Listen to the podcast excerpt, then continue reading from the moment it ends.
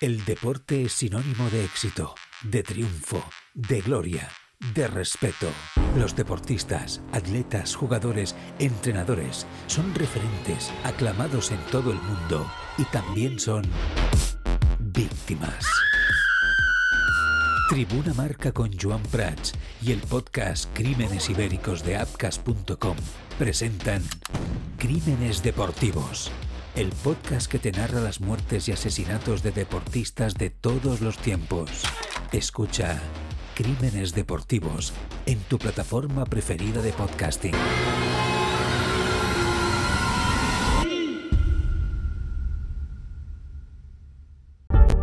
tarda i benvinguts al Tribuna. Si l'halcó mil·lenari té Han Solo, l'estrella de la mort a Darth Vader, Dagobah a Yoda i Naboo a l'insufrible Jar Jar Binks, el Tribuna Marca de Radiomarca Barcelona té a Joan Prats.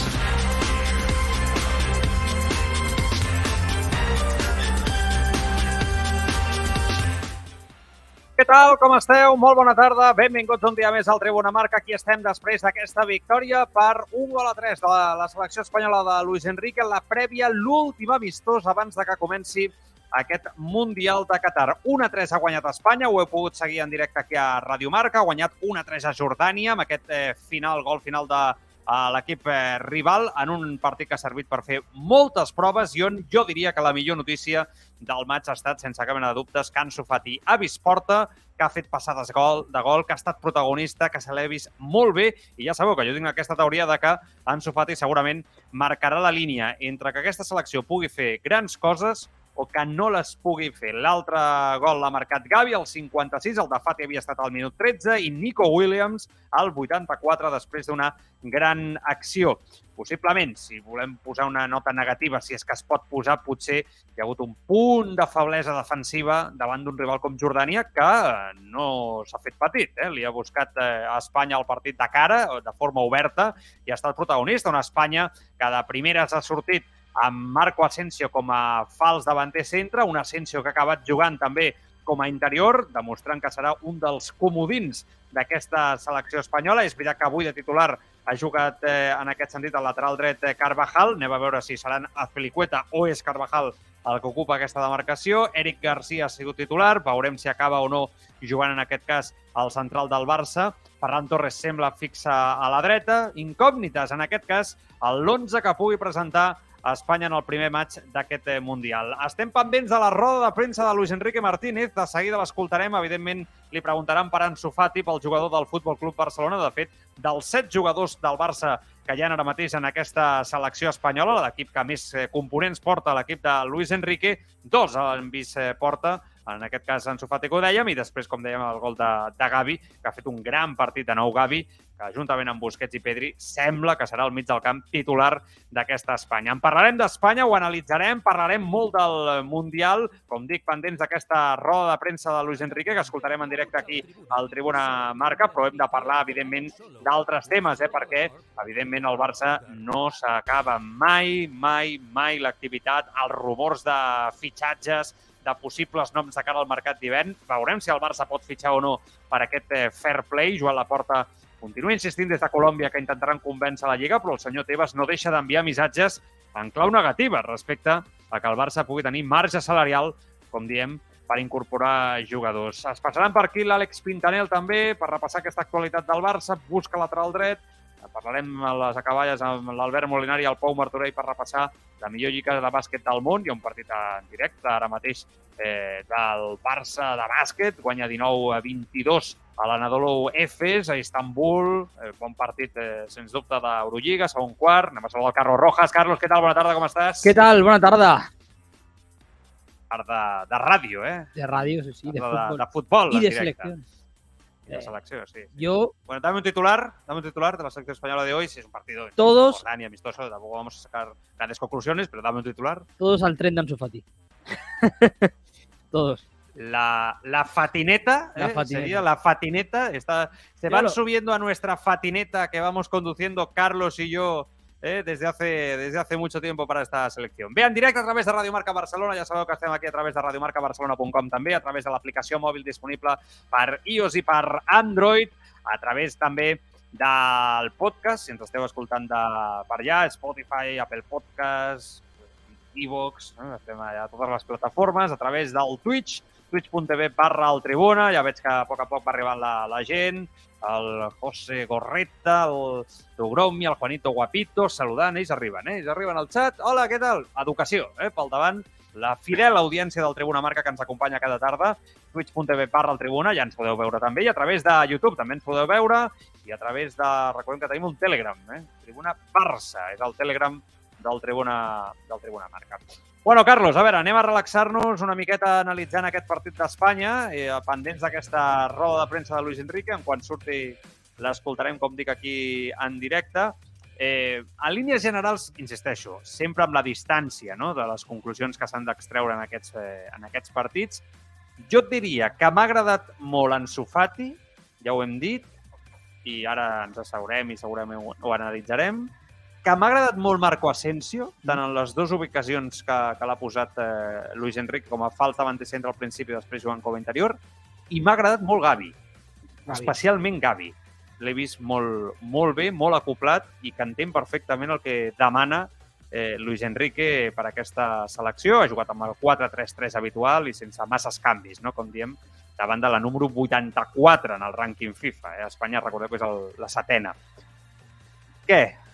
Sí, coincideixes? Algun apunt més eh, que s'ha sortit jo... una mica els tres que he destacat? No, yo sobre todo eh, eh apunte negativo en este caso, ¿no? Diría los mm. centrales. La, la, primera parte hemos visto errores de Eric y de Pau, ¿no? Que dices, ostras, ¿no? Un poco, yo creo que de que los jugadores no estaban tan, tan, tan metidos, seguramente sí que es verdad que lo han tomado como un partido de referencia desde el cuerpo técnico y desde la propia selección. Pero claro, al final era Jordania, ¿no? Ha habido alguna pérdida, creo que la de Pau Torres en la primera parte, que incluso ha generado un mano a mano. Que, que, que incluso en el remate, ¿no?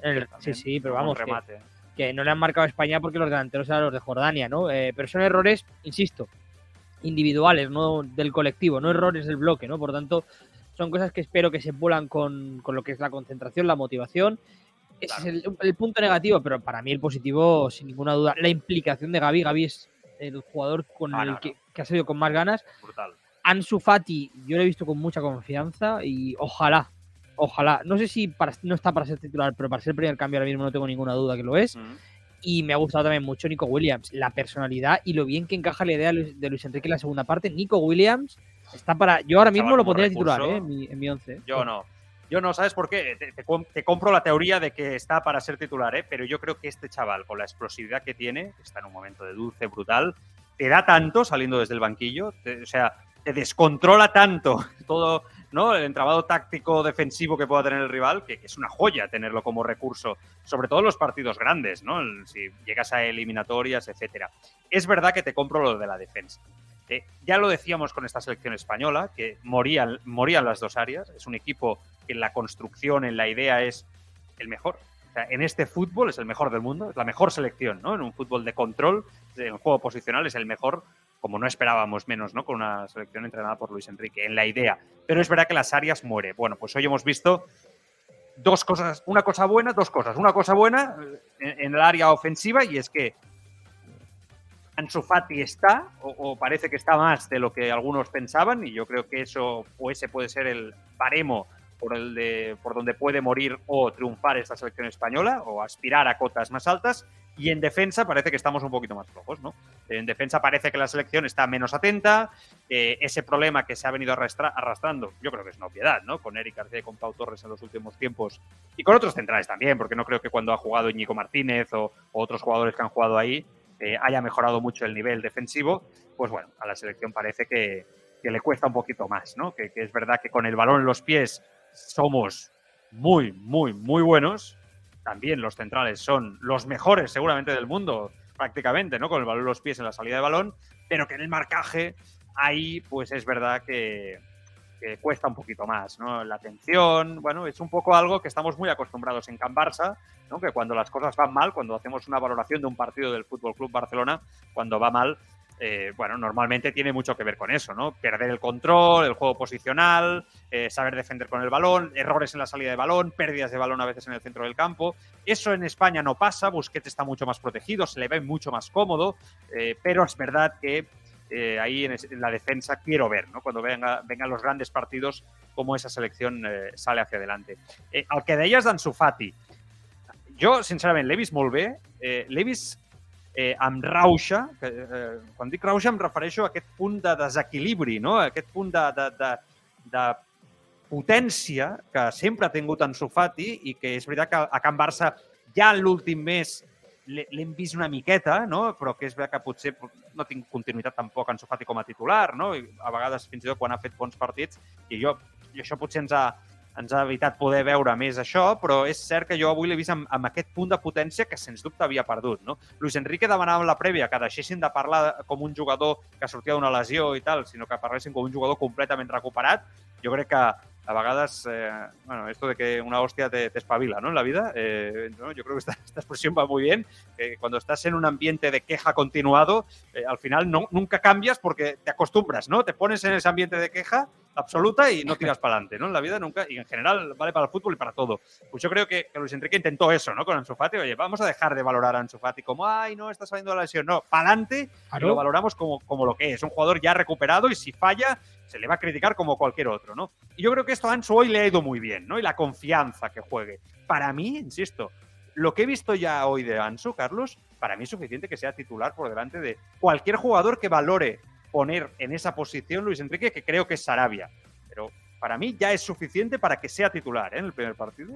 Sí, sí, no, es que eh, en este sentido, yo, te lo yo- digo. yo te lo he dicho antes, Ansu Fati a día de hoy quizá para ser titular se me queda a mí un poco corto. eh, fíjate que yo ¿Sí? soy aquí el super ¿Seguro? Sí, porque eh, para titular, ¿eh? como en un partido Pero- me imagino, como- por ejemplo, el de Alemania, que yo creo que es el que todos tenemos en mente, ¿no? El del próximo miércoles, eh, no, el próximo miércoles. ¿Para ti Sarabia domingo. te da más garantías que Ansu Fati? no es que me dé más garantías. En el uno co- contra uno, ¿no me entiendes? En el jugador por jugador yo me quedo con Ansu Fati de calle. Pero a lo mejor, seguramente por ritmo, me quedaría antes con, con Sarabia para el inicio del Mundial, ¿eh? Yo, mi idea es que Ansu Fati en, en octavo sea, sea el titular del, del equipo. Yo le iría dando quizá poco a poco. Pasar del todo a nada, ¿no? Del nada a todo. Con Ansu Fati del 0 al 100, porque no estaba ni convocado, no lo contábamos con él, a que ahora sea el titular y referencia del equipo arriba, mm, quizás algo. Tiene que haber un término medio, ¿no? El primer partido, por lo menos, contra Costa Rica, yo apostaría por, por otro perfil. Pero vaya, no Sarabia, ¿eh? No necesariamente Sarabia, también te digo. Pero sí que lo veo ahora mismo como el primer cambio, no tengo ninguna duda. Y creo que Ansu Fati, el partido. O sea, todo el, amistoso de hoy, porque he escuchado muchos comentarios en redes sociales, en radios, ¿no? De, análisis previo de que iba a ser una pachanga el partido de hoy. Yo no sé si ha sido una pachanga o no. Está claro que es un preparatorio, pero ah, lo que ha servido es para que Ansu Fati se vuelva a situar Sí, sí. y se crea de verdad que, que puede aportar a esta selección. Y eso es, ya solo por eso ha valido la pena jugar hoy. muy buena señal, ¿eh? muy buena señal y, y de hecho eh, es, es- esa es la clave, ¿no? Precisamente cuando, cuando uno precisamente piensa en qué conseguir con este tipo de, de partidos, es esto, ¿no? Eh, el hecho de que un jugador que viene renqueante, que no está en su mejor momento, que dudas, que tiene dudas, yo creo que es que está claro que a nivel de confianza no está bien, sale de titular, juega y lo recuperas para todo un mundial, ¿no? Y al final las historias de los mundiales está lleno de historias de jugadores particulares eh, sorprendentes que ese mundial, el que queráis de la historia, cambia su carrera profesional o cambia el sino de esa temporada o cambia muchos. Yo creo, sinceramente, que Ansu Fati es candidato a una de esas historias, sin duda, ¿no? Eh, este, este año. Jugador que llega como llega al mundial, que cambia el sino de su historia, ¿no? Actualmente y que promete, vamos a ponernos a soñar todos, promete todo aquello por fin, ¿no? Que había, cumple todo aquello que prometía y eh, derrumba el, el muro, ¿no? Tira el, tira el, el muro y, y- y explota como futbolista en, en un mundial. Si eso pasa, yo ya lo he dicho muchas veces, Carlos también coincide conmigo en esto, eh, las posibilidades de España se multiplican Totalmente. para mí, pero vamos, de forma eh, importante. O sea, para mí España, si tiene un jugador diferencial a- y, y explotando el máximo talento, en este caso el de Ansu Fati, que está muy alto, España puede llegar muy lejos, puede luchar con los mejores, yo lo tengo clarísimo. Hmm. Si eso no pasa, el bloque tendrá que funcionar perfectamente. Yo lo tengo, yo- tiene un pequeño desajuste, España fallará. yo lo tengo muy claro, ¿eh? también como, como tú. De hecho, antes has comentado una cosa que has dicho. eh, España, la- el problema que tiene son las áreas, ¿no? Mm, Yo creo que es un poco Sí. lo que heredamos de la anterior Eurocopa. Creo que el problema en el área defensiva continúa ahí porque son los mismos y porque España es un problema endémico prácticamente. pero el problema del área ofensiva, ojo que hay dos actores nuevos, ¿no? Que son Nico Williams y Ansu Fati, que se introducen en la ecuación, ¿no? Yo creo que son dos jugadores, ya lo hemos visto hoy, además los dos han marcado, que le pueden dar mucho más gol, mucho más vértigo al, ataque de España, ¿no? Al final, antes el que complementaba arriba a Morata, como aquel que dice era Ferran, ¿no? Ferran, que es un jugador muy válido para varias posiciones y que le da mucho el juego de España, pero tampoco tiene ese gol, ¿no? Bueno, yo creo que el aficionado del Barça lo sabe muy bien. Pero en cambio, Ansu Fati, que es verdad que toda la irregularidad que ha tenido físicamente no está en su pick, pero ya lo hemos visto siempre, que tiene estrella, tiene gol, ¿no? Y eso lo aporta también desde, desde el banquillo, desde el 11. Y Nico Williams, hasta ahora con la selección, está siendo un jugador hiperclave, ¿no? Estamos hablando de extremos con gol. Y eso puede ser muy interesante para que España sea un equipo mucho más peligroso en el área rival. O sea, yo, son dos elementos de verdad, ¿eh? Nico Williams y Ansu Fati, que pueden ser totalmente desequilibrantes en este mundial. Tengo aquí una libreta y un boli. Eh, me propongo eh, eh, hacer un poquito el 11. vamos a el primer 11 oficial después de este partido de exhibición, insisto, sin que nos haya dejado grandes conclusiones aquí con Carlos, pero vamos a hacer un poquito lo que pensamos nosotros, que mientras sale Luis Enrique en rueda de prensa y lo estamos esperando, el 11 que creemos que es el 11 de gala, entre comillas. Me, va a permitir, Carlos, que yo voy a poner a Ansu Fati en ese 11, eh, un poquito por, eh, por, jugármela también, aunque soy consciente que, seguramente es un poco complicado, pero bueno, oye, Carlos, a ver, en portería creo que no hay, no hay dudas, ¿no? Con una Unai Simón, 4-3-3. Eh, yo creo que ahí no hay, no hay dudas. Yo me decanto más por Carvajal que Azpilicueta, aunque es verdad que ahí también hay mucha duda. ¿Qué, compras? Hay mucha gente que piensa que va a ser Azpilicueta. ¿eh? Yo, yo, me quedo con Carvajal, pese a que comete errores infantiles en área propia. Creo que lo que, eh, lo que necesita España es un lateral que tire, ¿no? que tire hacia adelante al equipo y yo creo que, Carvajal es ideal para Podeu opinar eh, a través del chat de Twitch o de YouTube, eh? podeu dir també el vostre 11 ideal una mica, eh? I, i si voleu també a través del Telegram, jo el tinc obert aquí, i a veure, a veure per on van sortint els comentaris, eh? el vostre 11, 4-3-3, que creieu que, que posarà Luis Enrique. Centrales, esto es un mundo, ¿eh? aquí es un, un mundo de especulación. Eh, aquí cada uno piensa, hoy escuchaba la, la, la tertulia eh, nacional y, y, aquí cada uno decía un, una pareja de centrales diferentes yo voy a decir que creo, creo, ¿eh? ¿Qué va a hacer Luis Enrique? No lo que haríamos nosotros. ¿Qué creemos que va a hacer Luis Enrique? Yo creo que va a ser Eric García y Aymeric Laporte. Eh, ¿Estamos de acuerdo? ¿Compramos? Yo creo que va a hacer eso y creo que de las posibilidades que hay es la, es la mejor. Porque lo que desde luego no me gusta es la pareja que hemos visto hoy. Eric García y Pau Torres son demasiado, un perfil demasiado similar. Laporte es verdad, ¿no? Que también más o menos del mismo corte, pero es un central un poco más, alto, ¿no? Más físico, más mejor, vaya, que, que Pau Torres, así que yo me quedo con, con, esa pareja. Vale. Dentro del campo, Busquets, Gaby Pedri. Sí. ¿Nos hemos olvidado el lateral izquierdo, puede ser? Ay, el lateral izquierdo, ¿verdad? Jordi Alba. Es que te por hecho que Jordi Alba es el titular. Sí, sí, no, no, porque Gallac se ha lesionado, así que sí, sí. Sí, sí, no, no. Jordi Alba, ¿eh? Coincidimos todos. Vale, ok. Dentro del campo, Busquets, Gaby Pedri. Sí, coincidimos que aquí no hay. Es que prácticamente no duda, ¿eh? te pones a mirar y no hay casi otra alternativa en el centro del campo, ¿no? Porque es verdad que está Coque, ¿no? Coque, hay, muchas, eh, Carlos Soler. Pero están, están un peldaño por debajo de lo que es ¿no? el ser titular en España. Como mucho me puede encajar Coque en algún partido quizá más igualado en el centro del campo, que prefieras meterlo un poco más de, un juego más estático, ¿no? Que puede ser, por ejemplo, Diferente. Alemania. Son otro tipo de centrocampistas. O sea, para lo que quiere Luis Enrique, este es perfecto desde el centro del campo. Mira, sale Luis Enrique, arriba yo tenía puesto Ferran Torres, Morata y Ansu. ¿Lo compras? Sí, te lo voy a comprar. Venga. Sale Luis Enrique, lo vamos a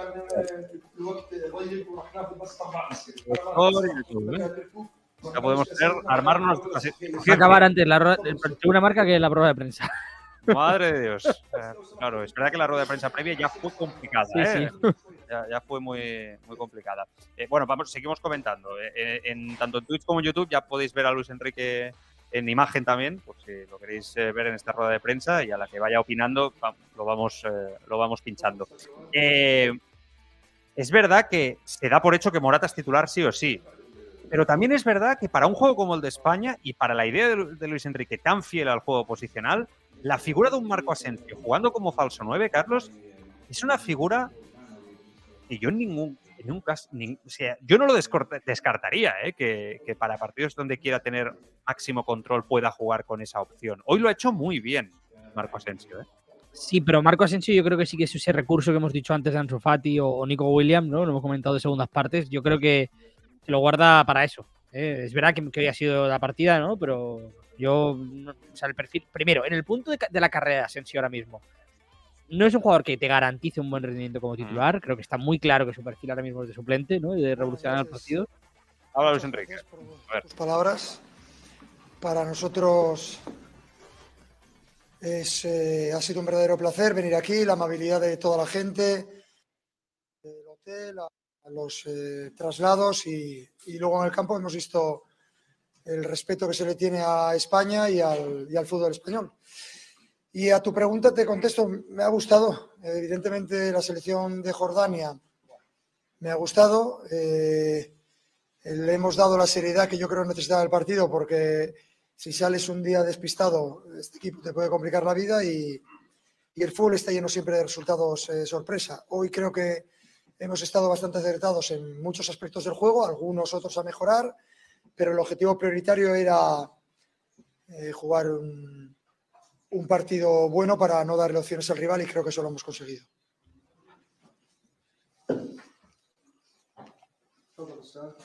Set i 20 minuts de la tarda. Esteu escoltant en directe el Tribuna Marca de Radio Marca Barcelona. Està parlant Luis Enrique Martínez, seleccionador espanyol, després de la victòria d'Espanya 1-3 davant de Jordània, l'últim amistós en la prèvia a aquest, eh, aquest Mundial. Eh, li fan la traducció eh, eh, a Luis Enrique, li van fer la, la traducció i ja heu sentit que això, eh, Carlos, seria lento, lento. Sí, sí, parece un congreso de la ONU, ¿eh? Madre mía. Con entre las banderitas. Torres lo damos. Sí, la verdad, es la band- es una- me he fijado, ¿eh? parece un congreso de la ONU. Sí, sí, ya lo has dicho bien. Sí, sí, es verdad. Lo de Ferran Torres a la derecha lo damos por hecho, ¿eh? Todos. Sí, aunque he visto que en algún comentario ¿no? apuntaban que jugara con Ansu y con Nico, yo creo que, que Ferran es un perfil que le gusta mucho a, a Luis Enrique, ¿no? Muchas gracias. No sé, no sé. Pues sí, la verdad es que el trabajo de- del seleccionador jordano se ve claramente por los resultados que ya llevan conquistando últimamente. Un equipo bien trabajado que tiene calidad en, algunos de sus jugadores para poder salir jugando el balón. Nos han superado nuestra presión eh, algunas veces y, bueno, ha sido, ha sido un partido difícil. Hemos dado la seriedad que necesitaba el partido porque este partido sales relajado y a pesar de que el resultado era lo de menos para nosotros, es eh, siempre mucho más positivo ganar los partidos. Estaba pensando que, estaba Sí. pensando que, que, claro, es Ah, que perdón. Jeremy Pino, por ejemplo, Eh, también es un jugador gracias, ha sido revolucionador de bienvenida, el trato, nos han animado, no me lo También ayer. hay muchos perfiles de, de Asensio, ¿no? Ansu Fati, Nico Williams, que decíamos, Sí, por tanto, Todos tienen una sensación, Carlos, de que son jugadores muy jóvenes, muy, muy jóvenes. Para ser titulares, o, que no tienen el. Sí, exacto. No, yo creo que Ferran, aunque es muy joven también, ya tiene empaque para Luis Enrique, ¿no? Sí, para sí. ser el titular en esa posición. Me da la sensación, ¿eh?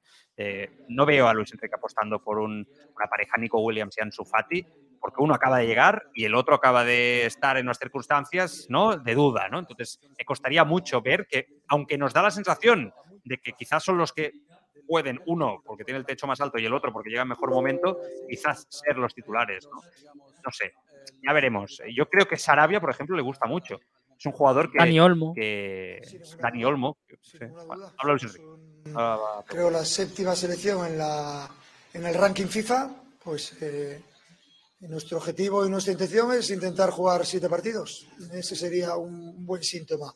Y veo al equipo muy bien, la verdad. Lo veo con, con las ganas necesarias y hoy quizás cuando juegas un partido amistoso a tan pocos días del inicio del Mundial no sea lo mejor porque el jugador tiene la mente focalizada en el Mundial, pero bueno, ya hemos jugado el partido, eh, ha salido bien y ahora a prepararnos para Costa Rica. Es verdad eso, ¿eh? Yo lo pensé. A veces, eh, ¿no? Es verdad que estos partidos son, son trampa Hombre, porque tienes, no tienes nada que ganar, ¿no? O sea, son partidos... el miedo a lesionarte, madre mía, el miedo. Sí, Y más cuando vas viendo cosas como la de Nkunku, ¿no? El otro día con Francia, que en el entrenamiento se lesiona. eh, tiene que dar miedo, porque ya estás ahí, ya te han convocado, has conseguido el sueño, ¿no? Y viene un partido contra Jordania, con todos los respetos ¿eh? para Jordania, pero un amistoso, mm, trascendente en, en ese sentido. Un mal golpe, pisas mal, lo que sea, calientas mal. De hecho, y adiós mundial. estoy mirando que no todas las selecciones, ¿eh, Carlos, juegan partidos amistosos antes No. inicio del Mundial. ¿eh? No, no, no Hay todas. muchas que no, ¿eh? Estoy mirando, es que Porque es que el los tiempo es tan. Los reducido. amistosos son hoy y mañana. Ha es que es tiempo muy reducido. El mundial empieza el domingo. España juega el miércoles. Claro, claro. Eh, al final- jugadores, aunque la verdad, si os digo, eh, Es el primer partido de mi carrera como entrenador que no he hecho la alineación yo, lo han hecho los jugadores en función de los minutos que ellos consideraban oportunos y mejores para llegar al primer partido de Costa Rica. Eh, yo simplemente me, me, he limitado a coordinarlo para que todos pudieran acercarse a esos minutos y, y, nada más. El objetivo no era para nada el resultado. Eso sí, una vez que te pones la camiseta de España hay que competir y demostrar que estamos preparados para competir en cualquier partido. Todo y que nuestra cabeza, es evidente, está en el Mundial, está en Costa Rica. Pero satisfactorio y muy positivo. Qué bueno que diga, ¿no? Es, que es diferente en todo, ¿eh? O sea, está innovando muchísimo. Y me parece bien, porque al, fi al final eh, el jugador se quiere sentir partícipe, ¿no? Eh, quiere ver que tiene entrenadores que aportan cosas nuevas al fútbol. Es importante. ¿eh? Hoy el, el, futbolista de hoy en día tiene mucho conocimiento y mucha información, ¿no? Y ver que mm. tu entrenador es diferente, yo creo que aporta un plus, ¿verdad? Y, ostras, hoy en la alineación, nos lo acaba de explicar el seleccionador, han hecho los jugadores. ¿no? Está bien. Sigue hablando, Luis Enrique Martín. Porque habéis visto cómo hemos acabado. Asensio, otro nivel. Asensio y Dani Olmo de interiores, cuando son nueves o extremos. Rodri puede jugar de central, ya lo ha hecho en Portugal y lo ha hecho hoy un ratito, eh, pero puede jugar también de pivote. Hoy me he adaptado a los minutos que querían jugar ellos para llegar en las mejores condiciones. La única exigencia que yo he marcado es que quería un equipo, las dos partes competitivo y que fuera a ganar el partido y que no especulara. Eso lo he conseguido, lo han conseguido ellos, eso es lo difícil. El resto pero tener jugadores que sean versátiles y que me puedan, que puedan ayudar al equipo en diferentes posiciones, básico. Lo demostró en su momento con Sergio Roberto, ¿no? Eh, está muy bien porque este, record, recordar, recordar que, que, España ha pedido a la FIFA ¿no? Eh, la posibilidad de hacer 11 cambios. Algo que está prohibido en Para este partido, sí. De hecho, esta, esta internacionalidad no suma ¿eh? a los jugadores. Ese es el tema delicado de estos cuatro días. Eh, en una acción haciendo un centro, pues ha tenido un pequeño problema, pero eh, la información eh, pertenece al jugador y a los doctores, o mejor dicho, pertenece al jugador y no es una información que yo, información que yo pueda dar. Mañana tomaremos una decisión con respecto y, y os anunciaremos cuando, cuando lo tengamos claro. Pero es la noticia desagradable, sin ninguna duda, de, de estos primeros días de concentración. Al final Gallá eh, tiene un esguince, ¿no? De grado 2, parece, ¿no? Si no me equivoco. Eh, corrígeme si me equivoco, Carlos. Sí. Eh, sobre el de diagnóstico momento, que se de ha momento dado. es baja, baja para el partido contra, contra Costa Rica, luego ya veremos. Sí. Yo creo que es difícil que no llame a, a otro lateral, ya no solamente por ese partido, sino teniendo en cuenta que Pero recordemos nunca lo de sabes Busquets. cómo va a responder después. Recordemos lo de Ya. Busquets, ¿eh? Pasado mundial. Sí. Sí, sí. No, no, la alineación no. Igual me he expresado mal, perdonad. Les he dicho que Ah. cuántos minutos necesitaba cada uno, porque cada uno tiene un caso particular y yo desde fuera conozco todas las situaciones, pero una cosa son mis sensaciones y otra las del jugador. Les he preguntado a cada uno el número de minutos que consideraban que tenían que jugar para llegar en las mejores condiciones al partido de Costa Rica. Y a partir de ahí yo me he hecho mi batiburrillo. Por ejemplo, Busi quería jugar, Pedri quería jugar, Unai Simón quería jugar. Y he decidido que no jugara ninguno de esos tres. O sea, luego me, no ha sido fácil, porque no sabíamos el número de cambios que íbamos a tener, pero creo que la mayoría han jugado los minutos que querían jugar para llegar a ese partido, que era mi único objetivo y, por supuesto, el que no se lesionara ninguno. Vale, vale.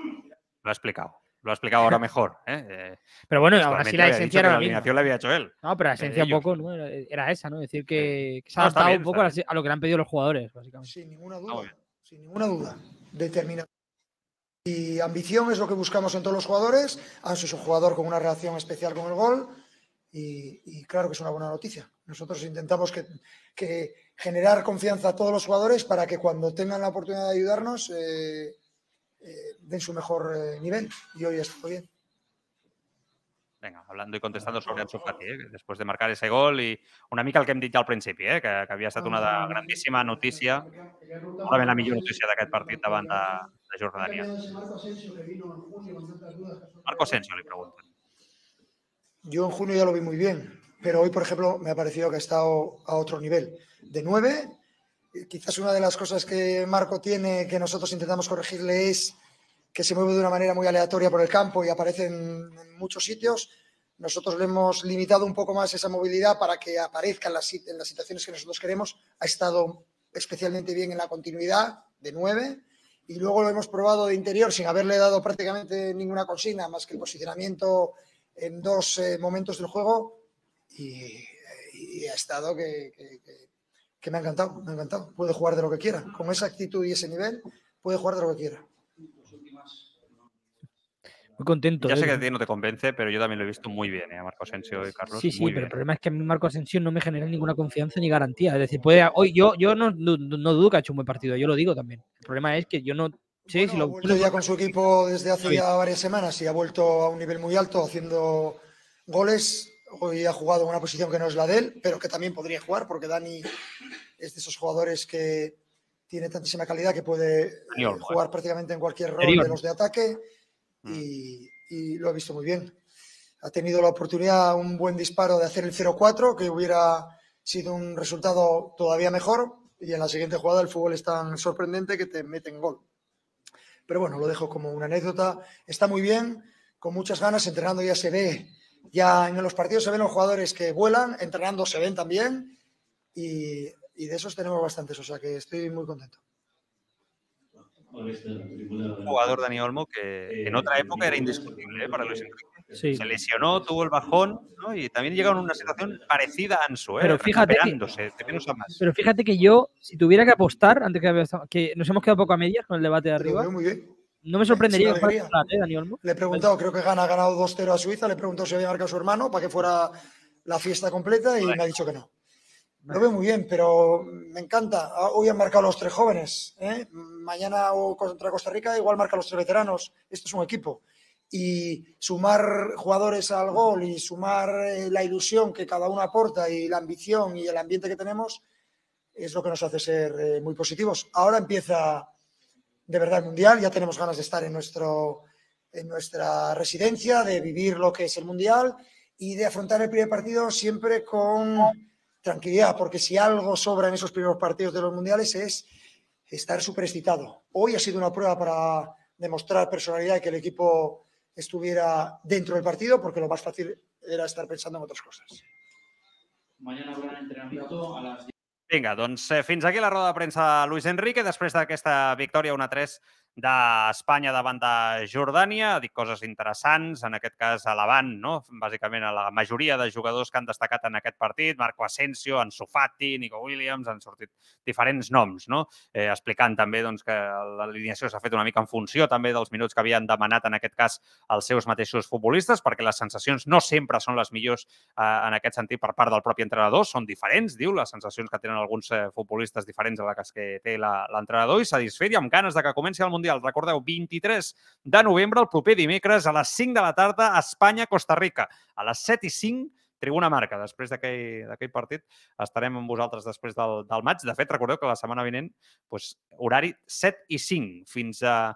Eh, faltin 5 minuts per les 8, tots els dies, eh? De 7, a, 7 i 5 a 7.55. Eh? Mentre duri el Mundial, serà l'horari que, que tenim al Tribuna, al Tribuna Marcat. bueno, després, eh, quan es passi per aquí l'Àlex Pintanel, li torno a preguntar una mica per la selecció espanyola i, i veiem més conclusions d'Espanya. De, de, eh, anem per parts, perquè hi ha diferents informacions relacionades amb el Barça en el dia d'avui. Tampoc és que hi hagi molta cosa. Després, insisteixo amb l'Àlex, sí que tocarem diferents aspectes relacionats amb el Barça. De moment, de forma molt ràpida. Uh, avui, uh, Mundo Deportivo presenta la seva portada una enquesta, suposo que l'has vist, Carlos, on eh, diu que l'afició no vol que Frenkie de Jong, en aquest sentit, eh, es toqui. No? Eh, 84%, em sembla una barbaritat aquí, no? em sembla que, que, que és l'enquesta de Mundo Deportivo. Jo el que em pregunto és, jo, vale, ja sabem que l'aficionat, segons aquesta enquesta, no volen que De Jong surti, no sé si aquesta enquesta la fan a l'estiu o hagués sortit la mateixa... Sí, lo que iba a decir. El fútbol es, es, increíble. Yo diría que no. Exacto. Yo, todos diríamos que no, a priori. Pero el aficionado, ¿pero qué piensa? Yo es que tengo dudas, porque sí que creo que De Jong viene jugando bien, se le ha visto además de medio centro, más cómodo que en otras ocasiones, etcétera. Y no, yo creo que, que, a día de hoy, me voy a agarrar, en el club aún están la situación económica, el mercado, es verdad. Precio para rendimientos que valora yo creo que De Jong es dar lo que pasó ¿no? a una de estas alturas de la película. Yo creo que aún, si llega una oferta en invierno, vamos a tener serial De Jong. Otra cosa es que, claro, viendo este tipo de encuestas, pues, eh, está muy claro, ¿no? Parece lo que quiere el aficionado. Va a ser un serial, ¿eh?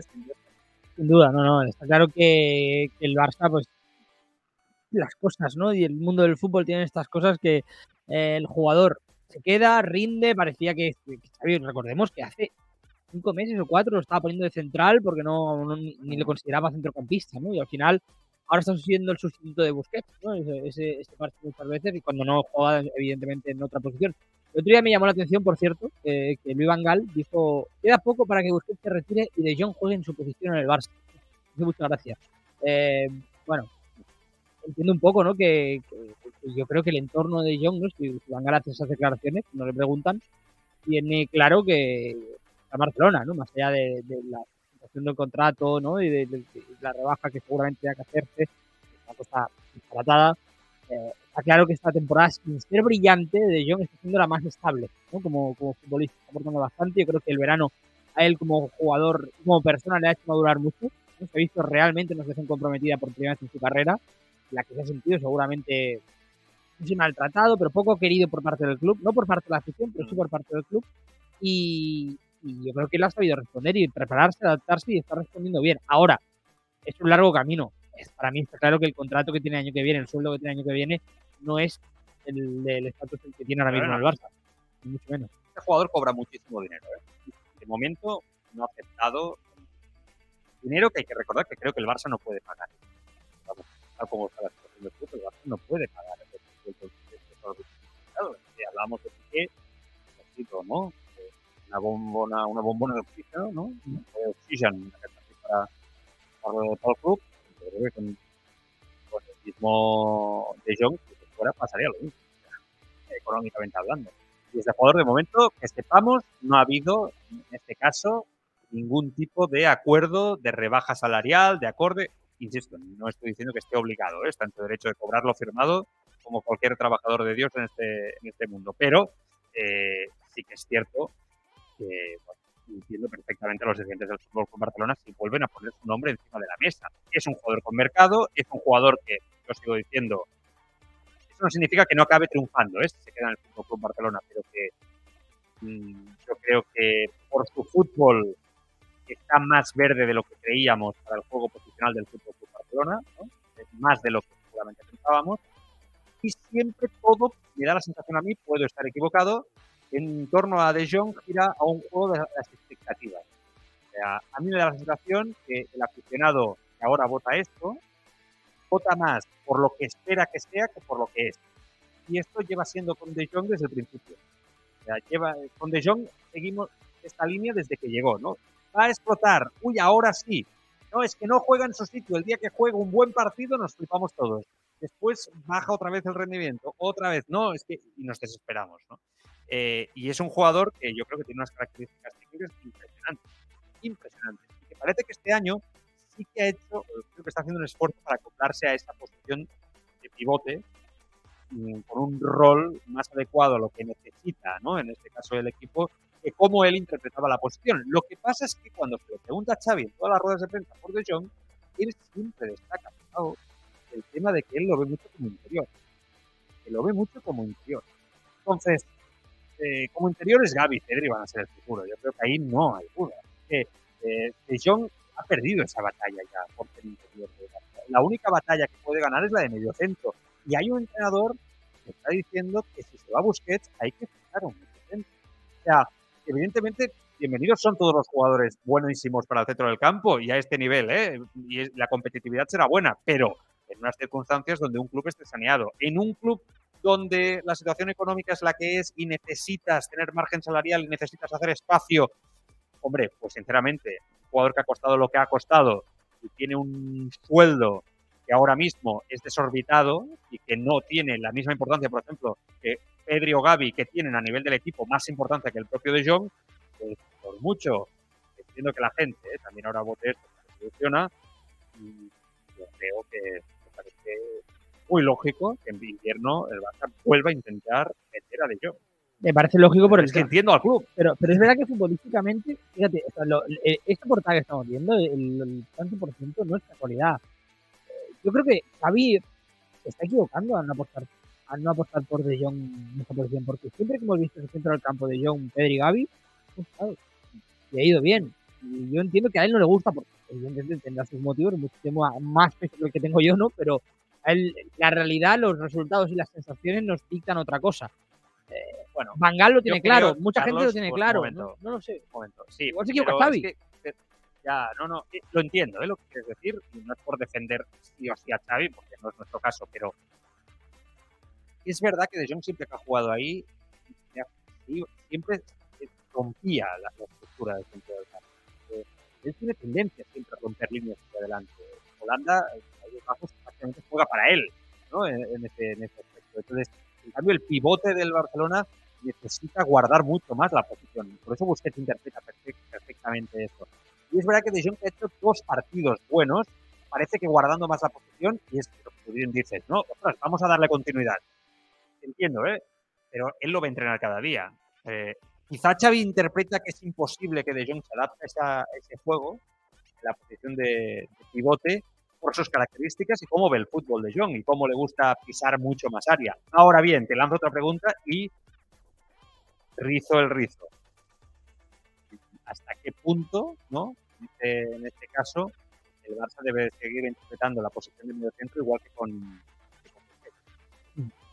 Claro, es que hasta qué punto. Yo, creo que al final, incluso te- yo- la pregunta que me lanzas la puedo reconvertir en ¿y si cuando se vaya Busquets el Barça puede empezar a jugar un doble pivote y ahí De Jong está mucho más cómodo?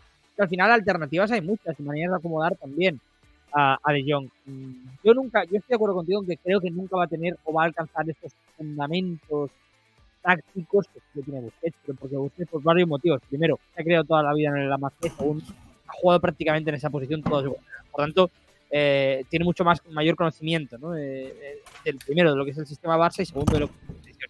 Frenkie de Jong es un jugador que por tú lo has dicho por características es un llegador evidentemente no un llegador de los de principios de siglo no es un Lampard un Gerrard pero sí que es verdad que tiene ese perfil llegador que Busquets no tiene ni de lejos es un registro más pues sí en, en ciertos no en partidos puede jugar de interior pero también te digo una cosa en el fútbol holandés que lo conocerán mucho mejor que nosotros Bangal y Kuman, es verdad que Kuman ahora mismo no es muy popular, pero Mm. lo es, por ejemplo, ¿no? Y, y Van Gaal tiene clarísimo que es su posición, también, al igual que lo tenía Kuman, ¿no? La, de- la del pivote. Y yo creo que si le preguntásemos a De Jong, De Jong diría que su posición es la de pivote. Estoy seguro que lo diría también. Por tanto, En un fútbol un poco diferente. un fútbol diferente, sí, es cierto. Pero, en- no sé, yo, yo creo que, que puede haber recorrido ahí. No sé si con doble pivote, como digo, variando el sistema, o si De Jong realmente tiene mucho más potencial para ese puesto que el que nos queremos nosotros. Mm. Complicado ¿eh? este tema, complicado, complicado. Eh, eh, decías que había algún problema de sonido, está todo solucionado, ¿eh? entiendo ya. Ah, En- Yo te escucho, bien, te escucho bien en todo momento, es un poco los, los del chat, ahora, ahora te acabo de confirmar. Bueno, en fin. Eh, anem a veure què passa amb el nom de, de Frankie de Jong. Eh, sens dubte és un nom que sempre és protagonista i que a vegades fins i tot massa. Eh, no? eh, fins i tot jo crec que ha estat en l'ull de l'huracà injustament en algunes ocasions i que también te digo una cosa, que al final esa valoración que yo hago eh, se basa también en lo que cobra y en lo que ha costado, ¿verdad? O sea, al final no, no, yo creo que tiene mucha, eh, mucho que ver, ¿no? Si, si De Jong estuviera cobrando una cantidad más acorde a lo que puede cobrar un Pedri o un Kessie, por decirte algo, yo creo que este debate no existiría y que seguramente todos estaríamos contentos de tener a De Jong en la plantilla y seguramente tendría mucho más tiempo. Esto es algo yo creo que, que es interesante, o sea, porque Sí, sí, sí. es joven y el tiempo en el Camp Barça muchas veces va a colación de lo que ha costado y ahí está Dembélé. O sea, no- Los amantes del ciclismo ya tenéis vuestro podcast. Seas globero, amateur o profesional, apúntate a la grupeta de Escapa Podcast. La actualidad de la semana, las competiciones, ciclistas destacados, equipos. Escapa Podcast, con entrevistas, debate, la información técnica y las novedades del mercado de la bici gracias a la tienda líder de ciclismo. Escapa. Ponte el maillot con nosotros. Escapa Podcast, en las principales plataformas de podcasting. Sí, no, no. A ver, eh, el tema con, con De Jong es el precio. O sea, el rol de la plantilla ahora mismo, yo creo que está, está seguramente, desde el punto de vista futbolístico, más adaptado, el mejor momento de adaptación eh, desde que ha llegado, ¿no? Porque eh, es un recurso que funciona, como hemos dicho, en, como recambio de Busquets. Como interior no es el titularísimo, pero es verdad que está jugando, está teniendo protagonismo, no creo que se queje, ¿no? Por Mm. falta de de Jong. eh, y además está pues aportando. O sea, Xavi le ha sabido encontrar encaje en esa posición, ¿no? Eh, por primera vez suma mucho más que, que resta, ¿no? En, esa, en ese puesto, en ese rol de interior. Ahora, está claro que el sueldo que va a percibir en 2023, la de 23-24, no es la del estatus que tiene la plantilla. Ese es el gran problema. Yo, yo creo que lo- eh, si no tuviera ese contrato, eh, la gente, la encuesta que hemos visto, el 84%, creo que has dicho, se subiría más, al 95 o 99. Sí, sí, és possible. Hay duda de él, de como jugador. Està claro. Missatges, Carlos, què diu la gent? Va. Vamos a ir leyendo algunos comentarios que han llegado bastantes. Por ejemplo, eh, comenzando hablando de la selección, Guapi 1977 decía que Eric esté en la selección es de broma, no tiene nivel ni para el Barça ni para medirse a las mejores selecciones. Eh, Peter Asmack nos advertía, como ya os veo venir, esta defensa con Sergio Ramos haría aguas exactamente igual. Eh, por otra parte, Tugromi. A mí, a mí no creo que me viera ve- venir en esa línea, porque, vamos, Yo, tam- yo, yo creo que igual, ¿eh? o sea, no, no- no cambiaría mucho, pero bueno, eh, en errores individuales es verdad que Pau Torres y Eric García han sido hoy los que se han equivocado con errores individuales. pero ahora mismo Sergio Ramos mejoraría mucho más a esta selección. Yo creo que no, sinceramente. No, No, creo que haya tanta diferencia. Por eso no ha ido convocado. No, no, no, exacto. Sí, sí. Eh, Tugromi apuntaba, son blanditos como pareja de centrales. En este caso hablaba de, de Pau Torres y de Eric García. Eh, luego antes has preguntado por a la gente ¿no? que hiciera también un poco su Mm. once de tipo de España. Alguno como Manu Medina Trainer decía Unai Simón, Carvajal, Eric Laporte, Jordi Alba, Busquets, Pedri Gavi, Ansu, Morata y Ferran. Otros como Lucy83 decían Unai Simón, Carvajal, Laporte, Eric Alba, Busquets, Gavi, Pedri, Olmo, Ferran y Morata. Creo que solo hay un cambio en el caso de la, de la delantera. Eh, Danes 87 decía Castigui, Coguino, Dardé, no té sentit. Y Alba, que ni juga. Eh, luego Sabio le apuntaba que creo que Jeremy Pino va a salirse en el Mundial. Y sobre el tema de De Jong, un comentario de Manu Medina Trainer que decía, si se ficha un pivote natural, no veo tan importante que De Jong se quede. Si no se ficha, que se quede él de pivote.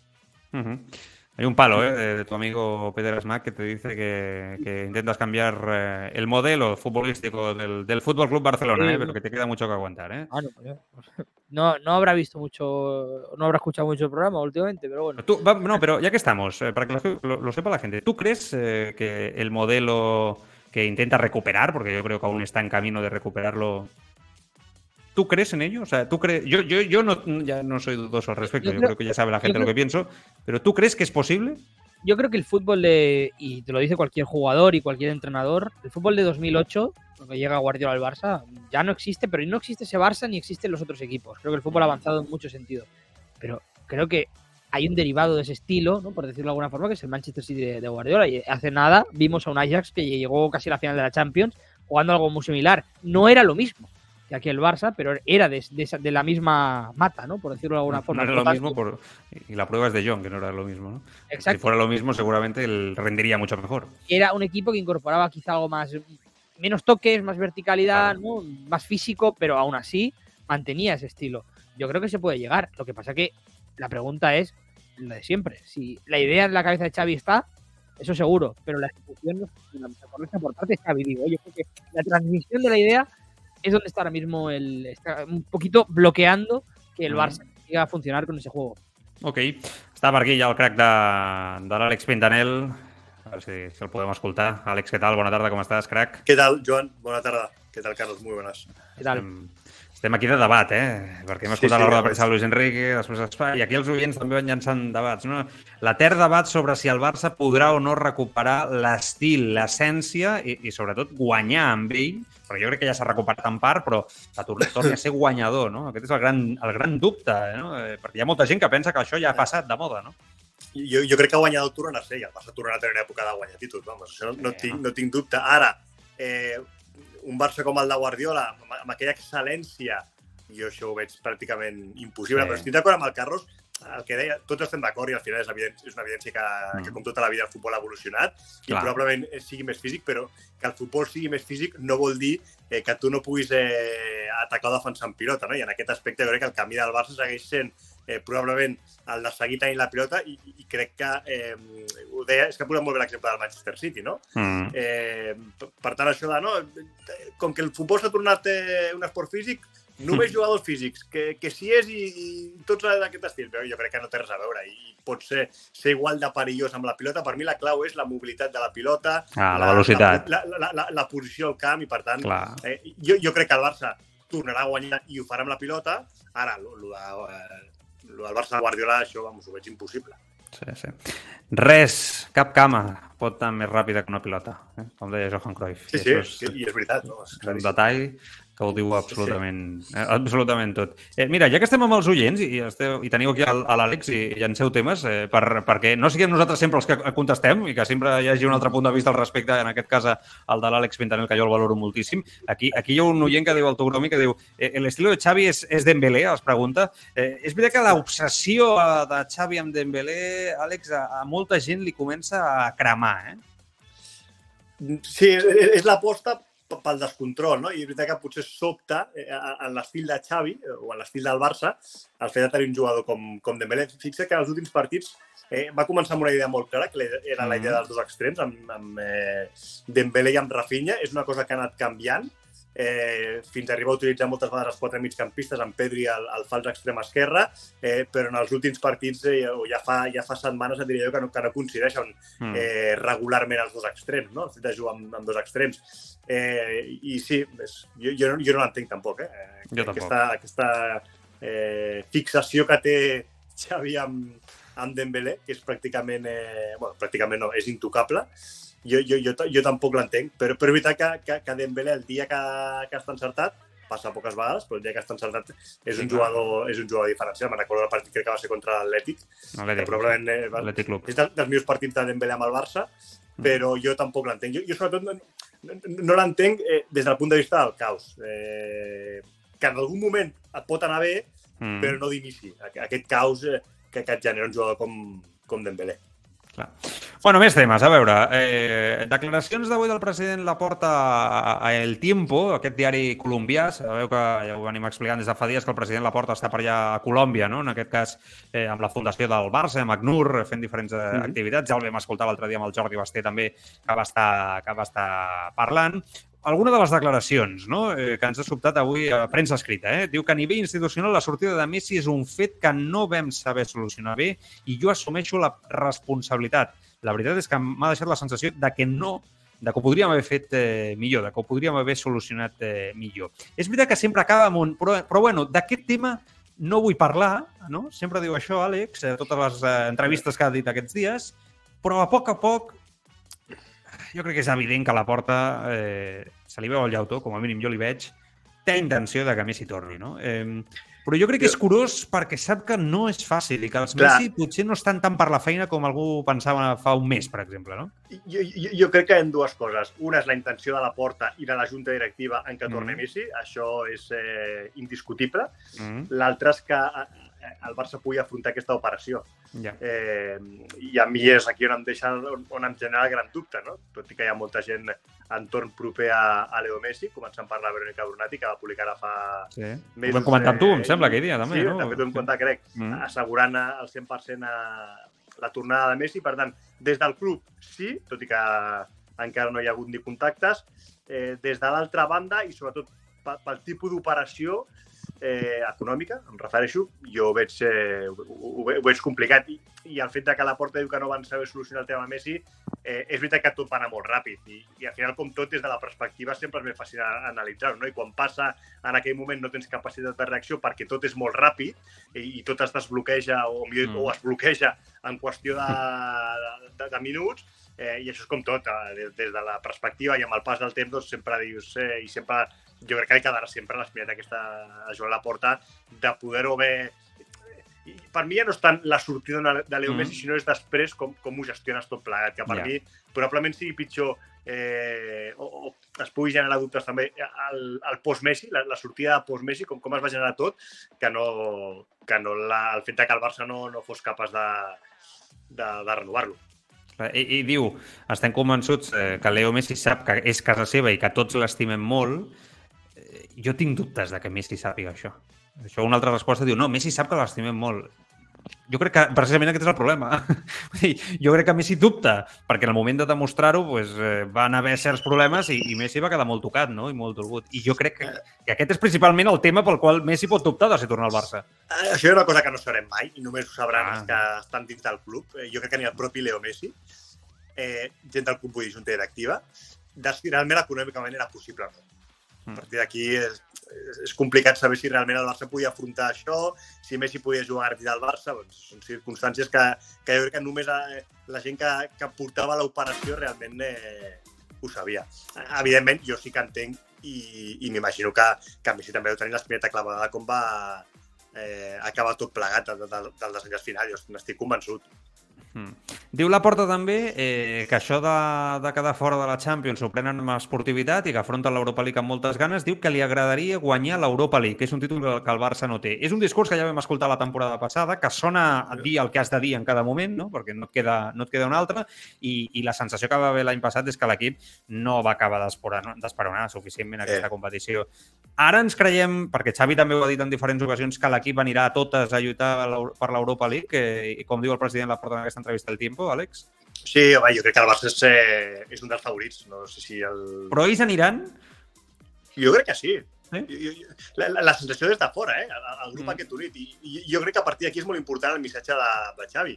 Eh, jo, jo crec que és molt important sempre com, com afrontis les situacions a, a la vida en general. No? Tens, tens l'opció d'enfonsar-te o l'opció de tirar cap endavant i I anar tant. a bona major. I llavors, eh, al final, el de la Champions es pot tornar enrere. La realitat és que el Barça no jugarà la, la fase final de la, de la Champions i a partir d'aquí, escolta, jo crec que l'Europa League és un títol interessant, amb equips de molt nivell, eh, amb eliminatòries que seran dures, per començar la del Manchester United, i a partir d'aquí jo estic convençut que, que Xavi, eh, si és capaç de transmetre realment el missatge que transmet en les rodes de premsa de la importància de l'Europa League i la importància també d'aquesta competició i la importància Mm. també de seguir formant a, a l'equip i de seguir eh, construint a, a l'equip, jo crec que sí, que, que els jugadors, si els arriba aquest missatge, a, a muerte per aquest títol. Al final no deixa de ser una competició que, a més a més, et donaria eh, jugar a la Supercopa d'Europa i que, a més, jo crec que et reforçaria també eh, Sí, sí. A, a nivell grupal, tenint en compte la quantitat de problemes que té el Barça o que està tenint el Barça en els últims anys amb Europa. I que té una cosa molt bona, Àlex, és que es cursa molt la distància que ha de recórrer el Barça per poder tornar a competir a Europa. Vull dir, si tu aconsegueixes guanyar l'Europa League a la propera Champions, eh, ja et plantes amb molta més confiança, no? Havent derrumbat aquest mur que els últims anys és terrible a, Europa, no? Tu, tu has dit confiança. Jo crec que, que per mi el gran problema del, del Barça, és veritat que també li ha faltat joc, eh? Sí. Eh, però, però mental. El, problema és mental a Europa. Sí. És evident. Pel motiu que sigui, o probablement per eh, les històries eh, recents de Roma, mm. Liverpool, etc etc. Eh, pro- probablement això segueix sent la ment dels jugadors. Eh, jo, jo, me'n recordo el dia de, de Liverpool a Anfield, que estava allà, a la prèvia del partit Mm. mm. parla Luis Suárez, Mm. eh, amb Valverde, eh, van haver-hi un munt de preguntes preguntant per Roma. I si Roma no sé què? I si Roma no sé quantos? I si Roma... Vull dir, i la, la sensació és que són coses que no s'oblidaran mai i, i has de fer aquest clic, no? I, I potser aquest clic es fa competint a l'Europa League i guanyant aquesta, aquesta competició. Que només de pensar que jo es va aturar Uy, te hemos perdido, Joan. No, eh. un moment, ara... Àlex, Ara. Ara sí. Escolta, Vale, sí, ara sí, t'havia perdut també. Va. Jo no et sento, Joan. Eh, Joan, te hemos perdido. No sé qué ha pasado. sí, sí. No, pero en, en- en lo A ver, que tú decías, ¿no? Alex, por ejemplo, eh, a mí una- hay un partido de, de esta temporada de la Champions que me llama mucho la atención, que es el día del Inter, eh, cuando marca el Inter hacia el final del partido, ¿no?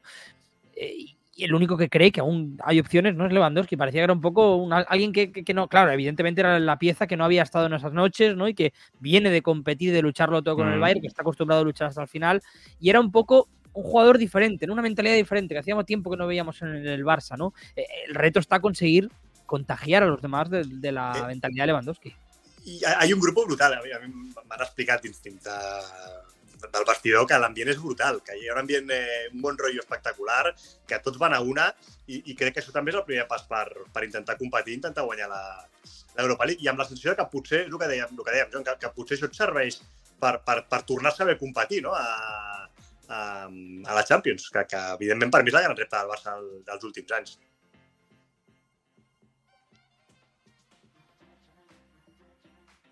Nada, Joan, no hay manera, no, no te escuchamos. Falla, Por falla el wifi, ¿eh? Está, está la cosa complicada, oye. Ahora- Ahora sí, ahora, ay, cuando Sí, te digo esto. No, no. Ahora, ahora. Ya, ya, ya, ya, ya me he dado cuenta de lo que, de lo que pasaba. O sea, voy a respirar hondo dos veces. M'estava barallant jo aquí amb la tecnologia, però us he escoltat, jo us estava escoltant tot perfectament i estic molt, molt d'acord. Eh, Àlex, el Barça podrà fitxar perquè mm, jo t'ho dic que, que sembla... Jo fa dies que dic aquí, ostres, hi ha una certa obsessió per fitxatges, ja sabem com funciona, eh? també el tema del mercat Sí. sí. d'hivern amb els fitxatges i quan hi ha aturades, però Clar, però, sí. ostres, ostres ara, ara es parla molt de noms, no? I sembla que el club es vol intentar. Però Tebas envia missatges negatius respecte que el Barça pugui tenir marge. Eh, I la porta ja l'altre dia ja va refredar una mica el missatge, no? Intentarem convèncer a la Lliga de que puguem fitxar. Sí, de veritat, vull dir, el, el Barça per poder fitxar de convèncer a la Lliga, ostres, eh, això hauria d'anar de números, no? Jo, la sensació que tinc, i tal com està el club, és que el Barça no, no podrà afrontar fitxatges de, de, de nivell, no? Eh, En, en termes fitxatges de nivell, eh, Bernardo Silva, perquè la gent sí. s'entengui eh, en quant a qualitat i en quant a quantitat eh, Mhm. econòmica. Eh, a partir d'aquí, en el Barça tenen clar una cosa, eh, no volen parxes, eh, no volen un jugador per... Vull dir, això ho tenen eh, claríssim i, i el que tenen clar també és que si no es pot afrontar cap operació interessant a nivell esportiu i econòmic, els diners es guardaran per eh, reforçar l'equip al, al mercat d'estiu, que ara mateix és el que més preocupa al Barça realment, eh, no tant el, el mercat d'hivern. De, fet, si analitzes la plantilla, s'estava parlant del tema del central, i jo Mhm. crec que Íñigo Martínez, tenint en compte que arribaria gratis la temporada vinent, per mi no tindria cap sentit pagar 6 milions d'euros per Íñigo Martínez, quan a més tens quatre centrals amb l'opció de Marcos Alonso al lateral esquerre, eh, al central esquerre, al Mhm. lateral, que també és una de les posicions que es- s'estaven parlant, eh, et pot agradar més o menys el rendiment de Bellerín, però tens jugadors, tens Bellerín, Sergi Roberto i Amaras, eh, Condé a l'Aujo, i on potser el Barça va més coix al mig del camp. Eh, Però, però a partir d'aquí s'haurà de veure també el paper de Pablo Torre un cop eh, eh, acabi el Mundial. Per tant, jo, jo realment crec que urgències com a tal perquè el Barça vagi al mercat eh, Mm. d'hivern, jo crec que no n'hi no ha. I a més ja sabem el que és el mercat d'hivern, no? Eh, pot sortir com Aubameyang o et pot sortir malament com Braithwaite, no? I per tant, Mm. jo, jo crec que s'ha de cap fred i sobretot eh, no, no parxes. I, i aquesta, aquest és el missatge que transmeten des del club, eh? Mm. Normalment vas a morir, eh, al mercat d'hivern. Vas a morir. Vas a, vas a que et facin mal, no? Vas a, vas a, que, te, a que et treguin la, els diners de forma important. Jo, jo diré també el cas de... Perquè, per exemple, Bernardo Silva, tu creus que el City sortir a Bernardo Silva? Eh, però És que jo no veig ni, ni que deixin sortir a, Gund a Gundogan, que diuen ara el tema de Gundogan, tampoc el veig.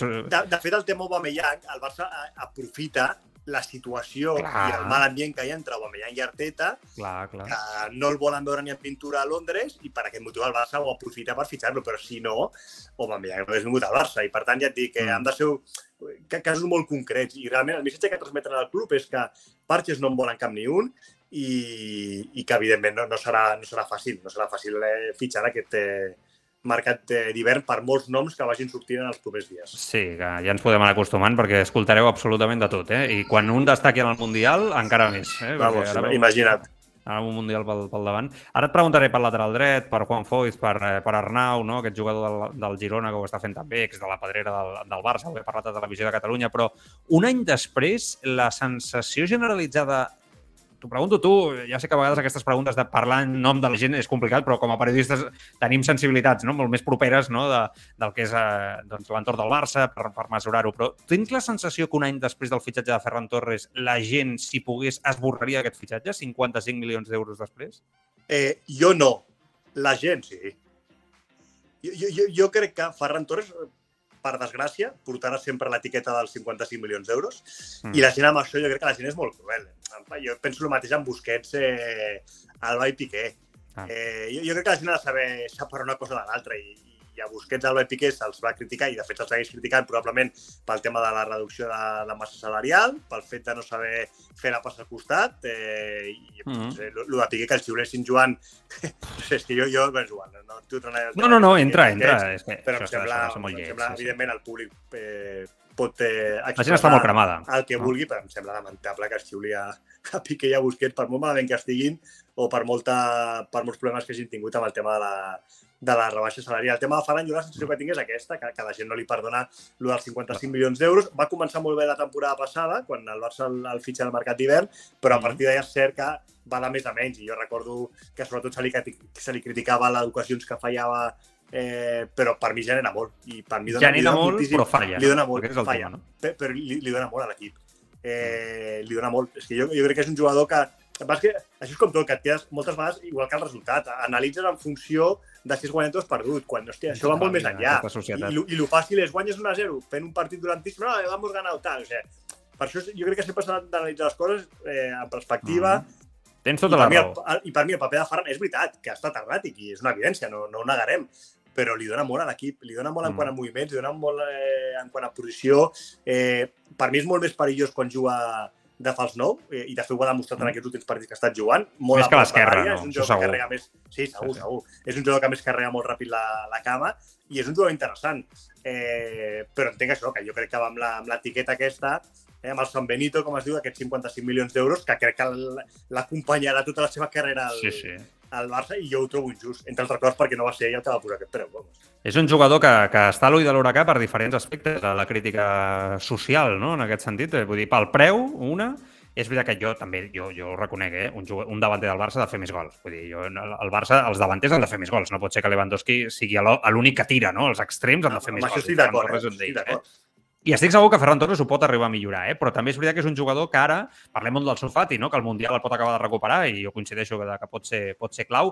És veritat que el Mundial de Ferran Torres, si ho fa bé, també li pot venir molt bé al Barça, de que vingui un Ferran Torres amb molta més confiança. No? Jo quan dic que és injust amb Ferran Torres és que tinc la sensació de que faci el que faci, se'l seguirà criticant. És aquesta sensació la que tinc. Eh? Si no marca, sí. Pues ja està, i, i jo crec que no s'ha de resumir tot només al gol.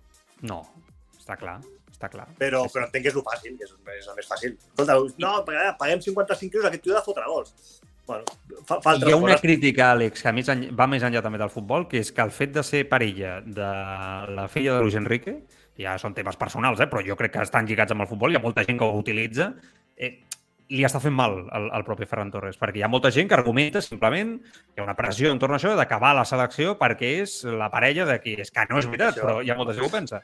En- entre altres coses perquè per Luis Enrique sempre ha estat un jugador important i no ens Totalment. oblidem i no ens oblidem que abans de fitxar pel Barça el rendiment de Ferran Torres amb eh, la selecció Sí, sí. espanyola era un rendiment brutal. Luis Millor Enrique que el va posar en aquella posició de fals nou eh, i és un jugador que, va, va, que va fer molts gols, que, que, Sí, que va marcar molts gols, no? i probablement també pel Barça s'hi fixa en ell per això, no? I per tant, sí, sí, Mm. vamos, em semblaria molt injust dir que, que Ferran va a la selecció per, per ser la, la nòvia Però molta de, ho de, la? Cira. Sí, sí, em semblaria... Jo rebo missatges cada dia amb aquesta Sí, línia, sí, tu, no, a les no. xarxes, de tot arreu, eh?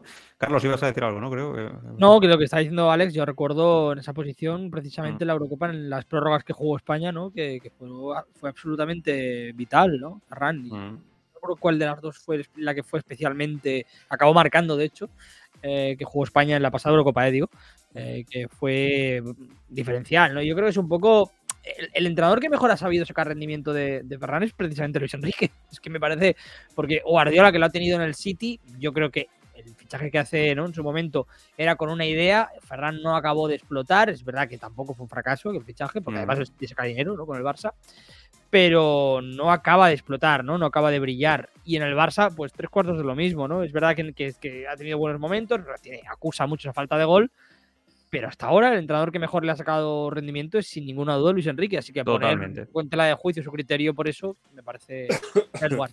Ja que estem al Mundial, i ara li pregunto a l'Àlex Pintanel per, per Espanya, Ansu, i una mica les seves sensacions. Ara tornarem de nou al Barça, però ja que estem amb el tema del Mundial, hi ha notícia d'última hora i és que Mané s'ha lesionat i es perd el Mundial amb Senegal, el jugador del Bayern de Múnich, ex del, del Liverpool. És una baixa important, eh? S'ha tornat a lesionar o ha recaigut? Perquè era, era dubte, no? De, va lesionar l'últim partit amb el Liverpool, crec, no?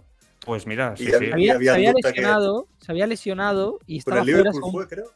No, no, no, en el Bayern, en el último que jugó de Ah, Copa, con el Liverpool, perdón. Con, con el sí, Bayern, sí, en un partido de Copa que jugó con el Bayern, sí, sí. lesionó y Pues mira. todos los medios lo daban por fuera de- del Pues Mundial. descartado, sí. pero en eh, Senegal lo convocó. El entrenador dijo que intentarían tenerlo hasta el último momento, incluyendo, eh, y esto es real, no es, no es broma, eh, la brujería. Intentaron con la brujería que, que pudiera estar, cosa que es muy habitual allí en África, lo sabes. Está bien, está bien. Pero al final ahora confirmado que no llega. Pero es que estaba claro que la lesión que tenía era para un mes y medio o así, era imposible que pudiera Bueno, llegar. pues todos los periodistas contra el chamán, ¿no? De la- la- el entorno de Senegal contra el chamán de la selección, ¿eh? Ahí toda la, toda la presión. Bueno, a veure, eh, què la selecció espanyola, Àlex? Eh, transmet bones sensacions abans del Mundial? A mi sí. jo crec que són les seleccions eh, d'Europa, les seleccions europees, per mi que pot estar perfectament en un top 3, top 4. Eh, Jo crec que és una selecció que probablement no tingui grans noms o grans Mm. estrelles, al marge de Mm. Pedri, no? que probablement sigui el, el timó i el que destaca per damunt de la resta, però hi ha grup, eh, hi ha equip, eh, i tots van a una amb Luis Enrique, eh, i tots entenen perfectament el que vol Luis Enrique. És un equip que competeix molt bé i que ho ha demostrat en els últims tornejos, tant a Eurocopa com eh, la Nations League. I, per tant, jo la sensació que tinc és que jo no la descartaria eh, i crec que és una selecció que pot arribar lluny. Ordre de favorites, t'atreveixes o no? De favorita, per mi, eh, Argentina i Brasil. Argentina, Brasil. Sobretot, sobretot pel, que, pel que hem vist en els últims partits que han, que han jugat. Mm. Eh, I després, sobretot, eh, Argentina, perquè hi ha un jugador que es diu Leo Messi, que és el millor futbolista de la història, que arriba millor que mai. Eh, aquest cop sí, està ben rodejat. Eh? No és allò de sí. Messi està solo. Aquest cop no està solo. Està molt ben rodejat i, per tant, bueno, eh, al final, de, evidentment, després eh, els creuaments et poden marcar una miqueta quin serà el teu camí i, i aquestes competicions, com a la Champions, un mal dia eh, t'envia sí. cap a casa, però la sensació que tinc jo és que aquest cop sí eh, Argentina arriba molt bé, arriba molt bé i que és una de les favorites. Arnau, ara tornem al Barça. Arnau, parlant avui a Televisió de Catalunya sobre si algun dia podria tornar o no al Futbol Club Barcelona. Sens dubte és una de les referències de la Lliga. Ho està fent molt bé en aquest lateral dret al, Girona. És un jugador que, que és jove, però que va sortir en el seu dia de la pedrera del, del Barça i que molta gent apunta que, que podria ser un fitxatge molt interessant i que el Barça l'està estudiant. Serà el primer equip perquè em volen ells. Òbviament m'agradaria en el Barça, però com m'agradaria també a la, als clubs grans, que són els millors del món. Clar, eh, jo crec que el lateral dret, Àlex, necessita un gran fitxatge d'una vegada per totes. Però un jugador com el dia que vam fitxar Dani Alves, no? que vam dir, ostres, sabem que fitxes un, un lateral per una dècada. No? Eh, es parla d'ell, es parla de Juan Foyt, que és un central reconvertit en lateral, no? que no és un mal jugador, sense cap mena, mena de dubtes. Eh, no sé, Arnau, eh, hi ha molta gent il·lusionada amb aquest, amb aquest nano, eh? i a xarxes sobretot. Jo, jo la veritat és que l'he seguit molt poc, però és Mm. cert que la gent que segueix el dia a dia del Girona en parla amb meravelles. Mm. Eh, una irrupció brutal, un tio que té un futur i una projecció espectacular. Eh, el que no sé és què més ha de dir eh, Arnau Martínez per fitxar pel Barça, no? Perquè jo crec que o Sí, sigui, deixar-se estimar més que Arnau Martínez ja és impossible, no? Reconeixent públicament que és culer, que és del Barça, que anava Penjant camp del fotos Barça, amb, amb piqué de petit, no? Vamos, Sí, sí. jo, jo, jo crec que eh, el Barça, si té clar realment que ha d'afrontar el fitxatge d'Arnau Martí, vamos, jo crec que s'hauria de seure a negociar amb el, Sí. Amb, amb el Girona. Jo, jo l'he vist poc per saber realment si, si encaixaria o no al Barça, però eh, amb la gent que segueix el dia del Girona parlen, parlen meravelles de, Mm. d'aquest jugador. Sí, eh, tu deies, no? potser un fitxatge més consolidat, eh, si Tampoc hi ha molts, masses, eh, ara mateix, Clar, de laterals mira, drets jo, món. me'n recordo va sonar també a l'estiu l'opció que el Barça, ja pensant en la propera temporada, que el Barça Mm. aniria per Alexander Arnold, Aquest, que és aquest. un dels grans eh, laterals drets. Desconec quina és la situació contractual d'Arnold amb, el, amb el Liverpool, però hi ha una cosa que és evident. Eh, si l'Arnau Martínez l'acabes fitxant ja et surt bé, és la sensació que hi ha de que, com amb Dani Alves, tens lateral dret per, per molts anys, no? I entenc que el Barça el deu tenir ben estudiat i ben seguit com per no, com per no equivocar-se, no? I que realment, Mm. si tu tens clar que, que, que Arnau és el jugador, vas, vas a per ell, no és el que ha passat ara. Bellerín, al final, pobre, no, no deixava de ser la tercera opció, no? És que no era ni la primera ni la segona, no? I per tant no et queda un altre i vas a per ell. Però si realment l'Arnau ho tens tan clar, vamos, Està a per ell. Tens raó. I l'última, vull que escoltis a, a Roures, tu que tens molta experiència de molts anys, està ja fent eh, partits, no? Eh, estan eh, també a vegades a llotges, no? A peu de camp, etc etc. Ahir el partidazo de Cope i de Ràdio Marca eh, preguntant, perquè això és una cosa que ens hem adonat tots aquesta temporada, no? I ja la temporada passada ja passava, però enguany ja és una, una màxima, que és que no s'enfoquen les llotges, no? No, no s'enfoquen, la, la realització televisiva no s'enfoca. I el que hi havia a vegades es, es fan, no? es diu que popularment eh, diuen, eh, deien que havia estat la Lliga, que havia prohibit que, que es filmés en aquest cas, a la productora Media Pro, en aquest sentit, el, el que són les jutges, per no mostrar els presidents, etc etc. Ahir el Juanma Castaño li pregunta a Jaume Roures que per això, que en sap molt, i el Jaume Roures han contesta el següent. en la liga y entonces... Quizá, quizá ahora es que son más serios y no montan Ah, números como pero- los que pero me hubiera- Pero me hubiera gustado ver... pero- pero- Pero, pero- no hay ninguna consigna ¿No? para, no sé, vaya, el otro día estaba mirando no sé qué partido del Barça y se veía exactamente el palco y... No, no, no, no, no. El día de Piqué, claro, el día de Piqué, no va, el día de Piqué con la porta aplaudiendo. Lo que mola es cuando hay pollo. Y ahí veo que hay falta de, de Bueno, sentido. de- los presidentes no se, no se pegan ni se No, no, palco, pero, no, yo pero hacen gestos, yo. hacen gestos, hacen gestos. Y, y, y, y vaya si los hacían antes. Y claro, hemos dejado de, de apuntar ahí las Bueno, cámaras. ya, hablaremos con los realizadores para que os tengan más contentos. Mm, bueno, si no és la tele i no és la lliga, eh, aquí jo crec que al- alguna explicació ha de tenir això, no? Aquest canvi. Jo desconec realment si en aquest cas en concret de Filmon o Llotges eh, hi ha una, directri una directiva de no, una directiva de no, de no, no de no filmar, de que no sí, però el que és evident és que, i això ho sé, perquè està talla que, al final la IA ho controla tot. Insisteixo, en aquest cas en concret desconec si realment hi ha ordres de no, que no es filmin tal. Però, evidentment, al final la, la IA ho controla absolutament tot això. I, I el joc és aquest. Vull dir, tot, tot eh, s'accepta aquest joc i, vamos, i això és així. No sé si ha quedat clar, però bueno. Sí, sí, ha quedat molt clar. Sí, sí, i t'ho agraeixo. I s'ha entès perfectament. Bueno, Àlex, escolta, que ja t'anirem trucant, és un plaer, com sempre, Sí, escoltar-te. eh? ja sabeu. I, I anem comentant, a veure, algun dia també amb el Mundial, amb els partits d'Espanya, no? Suposo que ho veuràs tot, eh? per tant...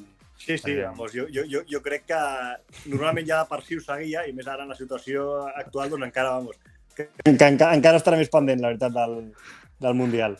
Bueno, això acabarà, acabarà aviat. Una abraçada ben forta, crac. Esperem que sí. Una abraçada, que vagi bé. Adéu-siau. Adéu. Àlex Ventanel, una tarda més amb eh, nosaltres per passar-se per aquí per parlar de l'actualitat de, del futbol. I aturo amb el futbol, dic prou, s'ha acabat el futbol, ya está, selección, se ha acabado. Y NBA, me pongo en modo NBA y ya me relajo porque tanta selección, tanto. Y saludo a Pau Martorell y Albert Molinari, que, bueno, eh, los escucho siempre y sabeo que son las personas que, que- que- que pivotan, que dominan ¿eh? la NBA. Pau, muy buenas, ¿cómo estás, crack? Muy buenas, Joan. Muy bien. ¿Y vosotros? Bien, ganas de escucharte. Hacía tiempo ¿eh? que no coincidíamos. Esto costaba, Sí, ¿eh? Los horarios. Uno Sí, por X o por B tiene que trabajar, hijo. ¿Qué vamos a hacerle? sí, por, por supuesto. Pero yo te escucho ¿eh? cada semana en Baserviter. Mira, ahora Pues nada. hoy he estado entrenando y me he puesto tu podcast. Muchísimas gracias. Sí, la verdad es que, que ha, estado, ha estado muy chulo. I l'Albert Molinari. Albert, què passa, crac? Com estàs? Hola, molt bé, bona tarda a tots. Et, et veig rollo streamer, ¿eh? Ya. O sea, ha sido Luis Sí. Enrique ponerse a streamear y tú también, ¿eh? Ya. Ojo, He ¿eh? tingut, he tingut que optar per un sistema d'àudio Bueno, ja una miqueta amb cara i ulls perquè si no és impossible. Perquè entre podcast, Twitch i coses vàries, al final un necessita un, un mínim. Sí, sí, està bé, està bé, està bé. Tot i que a vegades ja et dic jo per experiència que la tecnologia aquesta falla, eh? I no Sí. t'esperis. Dir que No. Te pones nervioso, i, però bueno. Eh, eh, per l'última hora, el, el Barça està per perdre, no? Amb la de l'UEFES, Albert? Eh, Eh, sí, fa rato que no el veig, però... 76, eh, Sí. 68. Em que no tinc aquí eh, de fons, però em sembla que avui... Sí, Entraria dins dels plans perdre aquest partit? sí, Sí, eh? Sí. sí, sí. sí. Un- Jo crec, jo crec que el Barça de bàsquet en l'Eurolliga ha de ser intel·ligent Mhm. i ha d'anar a guanyar quan toqui. És a dir, mm, sincerament, cada segon que cada quart, si els creuaments no són mortals i tens la plantilla recuperada, s'ha de centrar. O sigui, no ha de desesperar. Una rota davant de l'EFES és comprensible i assumible. L'important és que quan te'ls toquin en playoff o amb la Final Four, si tot va bé, eh, els guanyis. El de més és... Han d'anar amb aquest modo. I amb tot el respecte, han d'anar en modo Real Madrid. M'és igual la fase regular, haig de guanyar eh, tres partits a quarts i Final Four i, i plantar-me a la final. L'any passat eh, la mentalitat va ser aquesta en el Real Madrid Mhm. i li va anar d'un minut, perquè faltava un minut a l'eliminatori. La final estava igualadíssima amb l'EFES, o sigui que el Totalment. Barça hauria de- de- d'aprendre una miqueta a no desesperar en fase regular i si algun partit el perd, i més contra un rival com és l'EFES, assumible 100%. Bé. NBA. A ver, Pau, hay muchas cosas, muchas, muchas. Llevamos ya, yo creo que, sí, ¿no? Un mes y pico, ¿no? ¿Llevamos de competición? Un, No, un Mañana, mañana, mañana se cumple un mes. Un mes, claro, sí, sí, estoy yo perdido. Eh, a ver, hay diferentes focos de atención, algunos más polémicos y otros simplemente deportivos, ¿no? Que, que creo que también es importante destacar los equipos que lo están haciendo bien y por dónde nos podemos ir, ir fijando. Por ir sacándonos quizá lo más desagradable, los Nets. Eh, yo, yo, de, de verdad, que lo que ha pasado con Irving es que es- esto es, esto es una locura. O sea, este jugador de verdad que no puede seguir en la liga. O sea, es que yo creo que, que va a seguir porque es muy bueno y pues seguramente interesa, ¿no? También tener ese. Pero, pero la ida de olla eh, es, es tremenda en redes sociales eh, y además Brooklyn parece que cuando él no está empieza a funcionar, cambio de entrenador y lo último son las declaraciones de Kevin Durant, ¿no, Pau? Donde, donde raja del propio equipo, ¿no? Es que- Sí, eh, bueno, parece ser que luego si lees la entrevista completa eh, ¿Ah, sí? no, es Ah. tan, no es tan grosera como el titular en sí, ¿no? El titular es muy llamativo, su- suele pasar, pero eh, es un palo, ¿no? A, a los compañeros, eh, para Mm. quien no haya leído o escuchado las declaraciones, un poco como que con este equipo, eh, ¿qué queréis que hagamos, no? Siempre voy a ser yo el foco de la crítica. Hombre, pues normal, ¿no? Un tío el, que es el mejor jugador del equipo y que está cobrando 40 millones por año, lo lógico es que cuando vienen las vacas flacas se apunte a esa dirección. Lo de los Nets es tremendo, ¿no? Es tremendo desde el final de la temporada pasada. El verano ha sido muy convulso, eh, competición de traspaso eh, de Durant, con exigencia de cese del entrenador jefe por entonces Steve Nash y de Son Marks, el general manager. Al final, eh, pues bueno, la cuerda se ha roto por el lado más débil, como siempre, que es la del entrenador. Y bueno, una cama de dimensiones eh, tremendas, ¿no? Bíblicas, como la que le hicieron los Hawks a Joey Pierce, ¿no? En la temporada pasada. Es un equipo y es un vestuario eh, disfuncional, con dos caracteres muy particulares, los de Durant y los de Irving, sus dos estrellas. Mm. Y bueno, mm, el- no sé, recuerdo dónde lo comentaba, pero es un vestuario lleno de gasolina, tienen un palmo de gasolina en el suelo y está Kyrie Irving con una, con una cerilla, ¿no? Continuamente a ver cuándo le prende fuego. Y es poco más o menos eso, ¿eh? Ganarán partidos porque son buenos y la plantilla es buena en sí, pero ni están a, las, a la altura de las expectativas. Y bueno, la derrota el otro día en Sacramento encajando 150 y pico puntos deja bien a las claras que es un equipo cogido muy, muy con alfileres. Hay un oyente que dice, tu Gromi, dice, demasiado está aguantando Durán. Bueno, es que Durán no puede hacer, no puede hacer nada. No. Durán tiene un cuatro años más de contrato a 40 millones de media cada uno, ha pedido el traspaso y si no llega a lo que, lo que los Nets quieren, lo único que puede hacer es aguantarse y jugar por su bien o Mm. declararse en rebeldía y, y, bueno, y ver cómo sale esto. Pero claro, son cuatro años en rebeldía. L'Albert diu, no, no. Tu el No. veus com a culpable de tot això, no? Una part de la culpabilitat. Sí, a veure, Durant té la culpa de no rendir el que hauria de rendir quan hauria de rendir i de la manera que hauria de rendir. És a dir, quan anem a parlar de jugadors que marcaran la història, eh, individualment, com a tècnica, Kevin Durant és indiscutiblement un dels millors que he vist en els últims 25 anys. Però fent equip, creant equip, portant l'equip a un nivell superior, no està ni al top 10. I això és una realitat com un temple, només cal veure-ho. Els Golden State Warriors han sigut bons sense ell i amb ell, i sobretot després d'ell. Mm, Ell ha sigut incapaç de tenir una plantilla eh, forta i estable com eren els Nets amb una conferència relativament més fluixa i no s'ha plantat a cap final de, de NBA. Tots són queixes, tots són... Eh, I l'últim és això, tu no pots plantar-te i dir tinc un company d'equip que és qui és, que si Westbrook té un problema, Irving en té un altre, i tu declarar-te en rebeldia i demanar que l'entrenador el cessin i que l'equip tècnic i que el general manager no sap fitxar. Jo crec que Durant no és que aguanti, perquè potser ara tenim, eh, en certa manera, la, la necessitat de demanar-los a tots els jugadors que vagin equips campions i que siguin campions des d'allà. Mm. I ens oblidem que Michael Jordan va picar pedra, que la River va picar pedra, sí que van tenir companys molt bons, que Magic Johnson va picar pedra, inclús els Warriors, perquè han pujat directament del draft un darrere l'altre i s'han fet costat, o van ser els San Antonio Spurs, o han sigut inclús els Milwaukee Bucks, perquè recordem que tant Middleton com eh, Antetokounmpo, per exemple, són jugadors escollits del draft que han anat pujant mica en mica de nivell. O els Phoenix Suns mateix. Per tant, els Nets haurien de ser un exemple d'equip. I el que són són dues estrelles molt bones Però, que però decideixen descartem, partits. no, ja, això, Albert? Vull dir, jo, jo, jo no veig esperança amb, amb Nets, o sigui, amb els Brooklyn Nets. És que jo no, crec que... clar, no, tin- no tindrem esperança perquè Irving no es dedica a jugar i perquè. Kevin Durant no vol jugar.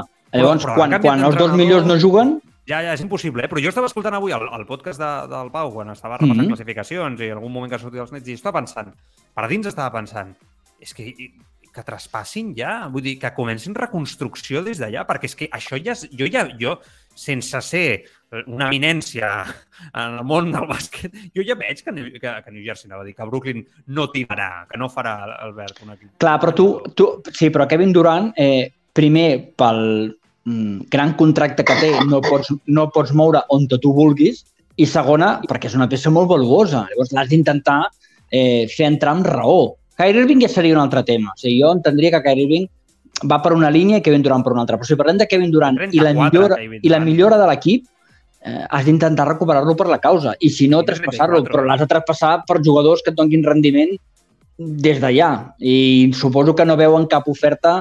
Eh, Draft, futuro... Sí, rondes del draft, eh, que totes cauran per sota del top 10 i jugadors Ja, que sí. d'aquí dos anys tindran un contracte de 20 milions per temporada i t'hauràs compromès. Si haguéssim vist alguna realment bo, els Nets fan saltar la banca, però jo crec que no ha arribat res, perquè tothom està a l'expectativa Ja, però- què passa amb Kevin Durant. Fins on t'arribarà Kevin Durant? No sé, no sé, no sé, Pau. Yo, yo no veo esperanza ahí, ¿eh? No sé, yo, yo creo que lo estamos alargando mucho esto. Y ellos Ni tú ni nadie. alargando. Sí, ¿no? Ni Es tú que ni no nadie, sé. ya. Es difícil, es difícil. Bueno, otro tema. Golden State. A ver, eh, este tema sí que me ha sorprendido bastante. ¿eh? El último partido, Stephen Curry tirando 50 puntos para nada. Los Warriors se acaban, se, se acaban hundiendo eh, y, y creo que van, no sé, 0-8 eh, a domicilio, si no me equivoco, ¿no? Más o menos, creo. Sí, Eh, 0-8. y están jugando francamente mal. O sea, no- es que como equipo, sobre todo, no tiene nada que ver con el equipo campeón. Y yo creo que ahí el problema, Pau, es que la, la nueva hornada, los que tenían que dar un paso adelante, son los que están fallando. ¿no? Eh. Los Cominga, los Wiseman y compañía, y que quizá parece que este año tenían que dar ese paso y no lo están dando. ¿no? Sí, bueno, la gerencia apostó por esto que estás comentando, ¿no? Eh, por, por encontrar eh, una mayor madurez en estos tres jugadores. Eh, también podemos incluir a, a Jordan Poole, a quien le firmaron Poole, una sí. extensión tremenda y que tampoco ha empezado bien. Bueno, los Warriors están mal porque precisamente la segunda unidad no está dando ese paso adelante que comentabas, porque Clay Thompson eh, ha empezado mal la temporada. Y bueno, son, eh, son bastantes condicionantes. Eh, pero yo creo que hay que ser pacientes, ¿no? Eh, es un equipo que viene de competir desde el mes de junio, eh, cuyo objetivo está de aquí muchos meses eh, y, y seguramente no tengan las urgencias de manera interna que el aficionado medio eh, tiene, ¿no? Porque todos exigimos a un equipo campeón que gane los partidos, que estén eh, arriba en la clasificación desde un primer momento. Bueno, queda todo diciembre, todo enero, todo febrero, todo marzo y medio abril. Evidentemente los Warriors irán cogiendo el ritmo, la velocidad de crucero. Alguno de estos jóvenes sí que dará ese paso adelante, adelante y acabará rindiendo, seguramente. ¿Cuál? to- ¿Cuál crees todos, tú? ¿no? Hombre, yo particularmente, Pool, desde luego, debe dar uno o dos pasos adelante. Y el otro de los, dos, de los otros tres, seguramente sea Kuminga, aunque a mí el que más me gusta es Moses Moody. Pero seguramente Kuminga tenga más posibilidades por físico, por posición en el campo. Eh, no sé, yo no perdería Wiseman la ni, ni lo nombras, ¿eh? Wiseman ni lo nombras. no, Wiseman ahora está en la G-League, es un jugador sí, de muy difícil encaje en estos Golden State Warriors. Hay voces que están pidiendo ya su traspaso, es complicado que lo traspasen, yo no lo haría desde luego, pero no parece que vaya a ser la pieza que vaya a salvar la temporada eh, de los Warriors. Yo pediría paciencia eh, y si hay que ser críticos, si hay que enterrarlos, con este equipo yo me esperaría a final de marzo, primeros de abril. eh. Què, Albert? Alguna cosa més afegida al que diu el Pau? No, no, tot molt correcte i segurament els tocarà eh, una miqueta de transició. Eh, sí que han perdut eh, 7 dels últims 10 partits, això és una mala ratxa, fora de casa es debiliten molt. I simplement aquesta puntualització que deies abans, no? Stephen Curry firma 50 punts, un partidat, i perden. Perden perquè els dos escortes o alers que el cobreixen, com són Booker i Bridges, també firmen 50 punts entre els dos. Això vol dir que la balança i la partició de, dels Suns va anar d'una manera molt més equilibrada i en els Warriors no. I clar, Ja. normalment no acostumes a perdre partits que un jugador et firma 50 punts si ets un equip gran. Això ho hem vist, eh, per exemple, en partits de, amb tot el carinyo, eh, Orlando Magic o els Nets actualment o altres equips que un jugador pugui fer-te 50 punts però perquè no tenen res més, no? Però en el cas dels Warriors mm, tenen diferents peces que haurien de donar el pas i de moment sembla que no. Però com molt bé diu el Pau, eh, jo m'esperaria que portin almenys jugats 30 partits per començar a calibrar mm, com van les coses exactament. De todas maneras, es una muy mala señal que Stephen Curry esté llevando tantísimo peso Mm. Claro. este inicio de temporada. Es un jugador ya de, de 30 y pico años, está a un nivel excelso, es verdad, pero queda mucha carretera por Mm. delante y yo creo que se le está cargando demasiado. Yo pensaba eh, al inicio del curso que, que la temporada de Stephen Curry iba a ir de muy menos a muy más y sin embargo ha empezado como una moto. Vamos a ver Claro. eh, si con el paso de los meses no empieza a tener problemas físicos y o llega desfondado a los playoffs.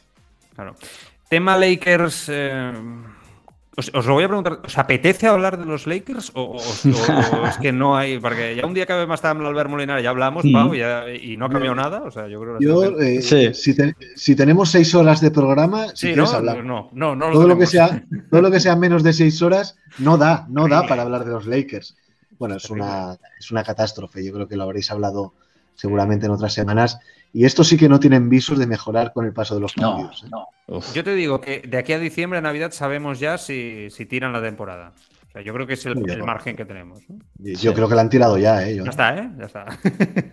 ya sabía que me ibas a contestar algo así. Viendo tu cara, ya, ya cuando te he dicho esto, yo digo, digo ya Pau ya, ya la da por terminada. Ostras, Sí, sí. pero ostras, es muy fuerte esto. ¿eh? Y Es muy tri- es muy podemos triste. empezar a decir, muy triste, sí, es triste. Sí, es muy triste. Mm, Sí. Es calificativo, ¿no? Y me sabe mal por LeBron, pero ya no. Es el primer momento que ya no es un top 5 de la liga. ¿eh? Yo creo que esto ya. Ahora ya queda clarísimo. ¿eh? Ahora, a día de hoy. eh, ¿eh? El año pasado para mí tampoco era top 5 y ¿Sí? si me apuras el año anterior tampoco. Eh, para ser un top 5 hay que ser bueno en los dos lados de la cancha y LeBron lleva un par o tres de años que en defensa eh, se toma sus, sus, dema- sus demasiados respiros. ¿eh? Es un tío que hace muchos números y tal, pero ya no es diferencial. Eh, ya, ya no lleva a sus, a sus equipos a las Mm. victorias como antes. Bueno, parlant-lo positiu, eh, Celtics molt bé, no? Molt, molt bé, eh, Albert. Eh, Mhm. Ara mateix al capdavant de, de la conferència és amb 8 victòries seguides. Milwaukee Bucks eh, s'ha dormit una mica últimament, no? I jo segurament ha perdut eh, per això aquesta primera posició, però anaven, anaven també molt, molt bé. La sensació és que aquests dos equips de l'est estan a any llum, molt lluny de la, Sí. de la resta d'equips, eh? Sí, són dos equips que han jugat a finals de manera consecutives, eh, per tant això se'ls nota. Són dues franquícies amb les plantilles gairebé immaculades en els últims dos o tres anys. Han afegit petites peces, però ho tenen format. I els Boston, que bé, amb la sortida d'Udoka, no? ens podia generar dubtes, podíem pensar, uf, no? quin terrabastall, ho han portat d'una manera superprofessional. Aquí s'ha de notar moltíssim la mà de Brad Stevens, que haurà calmat les aigües d'una manera espectacular dintre vestuari, amb la premsa, eh, amb tots els treballadors, perquè funcionen com un rellotge. Udoka, molt desagradable, eh? El tema Udoka, Sí, que vam comentar. sí. És que, clar, aquest any entre Bridges, Primo, Udoka i algun altre que per desgràcia ha sortit, i, bueno, i, i Irving amb les seves sortides de to, portem 3-4 eh, temes Sí, sí. a l'inici de temporada molt desagradables. Però, bueno, en la part positiva, els dos Jasons molt bé i, i la resta funcionant com un rellotge. Jo crec que aquests Boston eh, han après la lliçó i han passat eh, l'etapa de hem jugat unes finals, Mm. i no sé si arribaran o no, però que estan preparats. I els Bucks, bé, jo crec que faran la goma. Jo crec que els Bucks veurem alguna ratxa de dos o tres derrotes, faran la goma i arribaran o intentaran arribar el més bé possible als playoffs, que és on, te, on es toca. Ujú. Y la última, y nos vamos. Eh, oeste, mm, Blazers están primeros 10-4, Phoenix Suns ahí 9-5 con Denver Nuggets un poco en silencio, Utah ya se desinfla, llevan tres derrotas seguidas después de un inicio que yo creo que bueno, yo no encuentro ninguna explicación, pero bueno, ok. y, y- y después está el tema de Dallas Mavericks con Doncic, que ahora está tocado, ¿no? Creo, está tocado, Paul, eh, tu, tu- tu gran Luka Doncic, y cuando no está él, Dallas se, se hunde. Bueno, es que Dallas sin Doncic son los Houston Rockets, o peor, ¿no? Porque perdimos ayer contra ellos. Es un equipo eh, de los pocos equipos de la NBA a día de hoy que está eh, dominado por un solo jugador. Es- su- la canti- la cantidad de, de baloncas sobre Doncic es histórica, números en mano. Y, y bueno, eh, para mí es un error clamoroso de la gerencia Total, haber total. construido una plantilla así. De momento es lo que hay. Es un equipo que el año pasado eh, en playoff rindió al 120% de sus posibilidades y mal haríamos los seguidores de los Mavericks esperar algo similar. Eh, yo los veo entrando en playoff, perdiendo en primera ronda, a casa y al año que viene a ver qué es lo que pasa. Bueno. Jo, que, que me sabe mal, ¿eh? Porque yo creo que es el, ya llevamos un- con este guion en los Mavericks muchos años, ¿no? Y me sabe mal. Joan, un tío de Orlando no puede decirle a un tío de Dallas que le sabe mal. ¿Sabes qué pasa, tío? Que est- estoy muy crecido, porque eh, el tema de Banchero, de Banquero yo creo que es una pasada, ahora lesionado estos días, ¿no? Pero lo de Bol Bol me ha acabado de flipar, o sea, yo estoy ya en modo, venga, ya vamos a tope.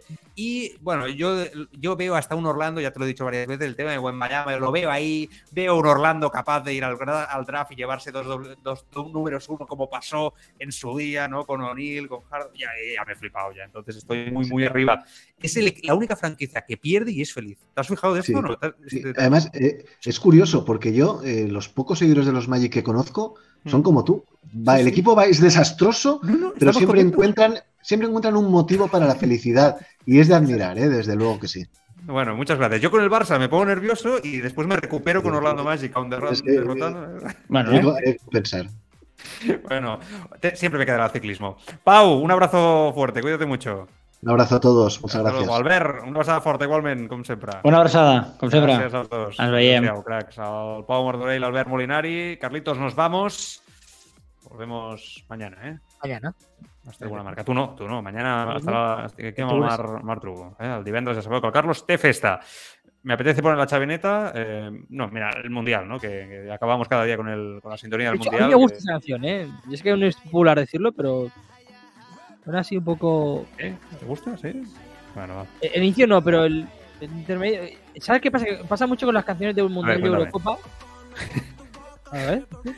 Te engancha. Bueno, a quien no Sí, le luego- gusta es a, a YouTube, ¿eh? Eso me ha quedado claro. Tú pi- No, eso está claro. Pero tú piensas que luego esto que eh, la, te la ponen entre partido y partido ¿eh? Sí, sí. y la jugar y se te acaba quedando en la cabeza, ya verás. A mí me No, pasó no, la Eurocopa. El Waka Waka, ¿no? Sí, Waka sí, Waka. bueno, Waka Waka. Bueno, cuidaros mucho. Adiós, adiós, adiós. I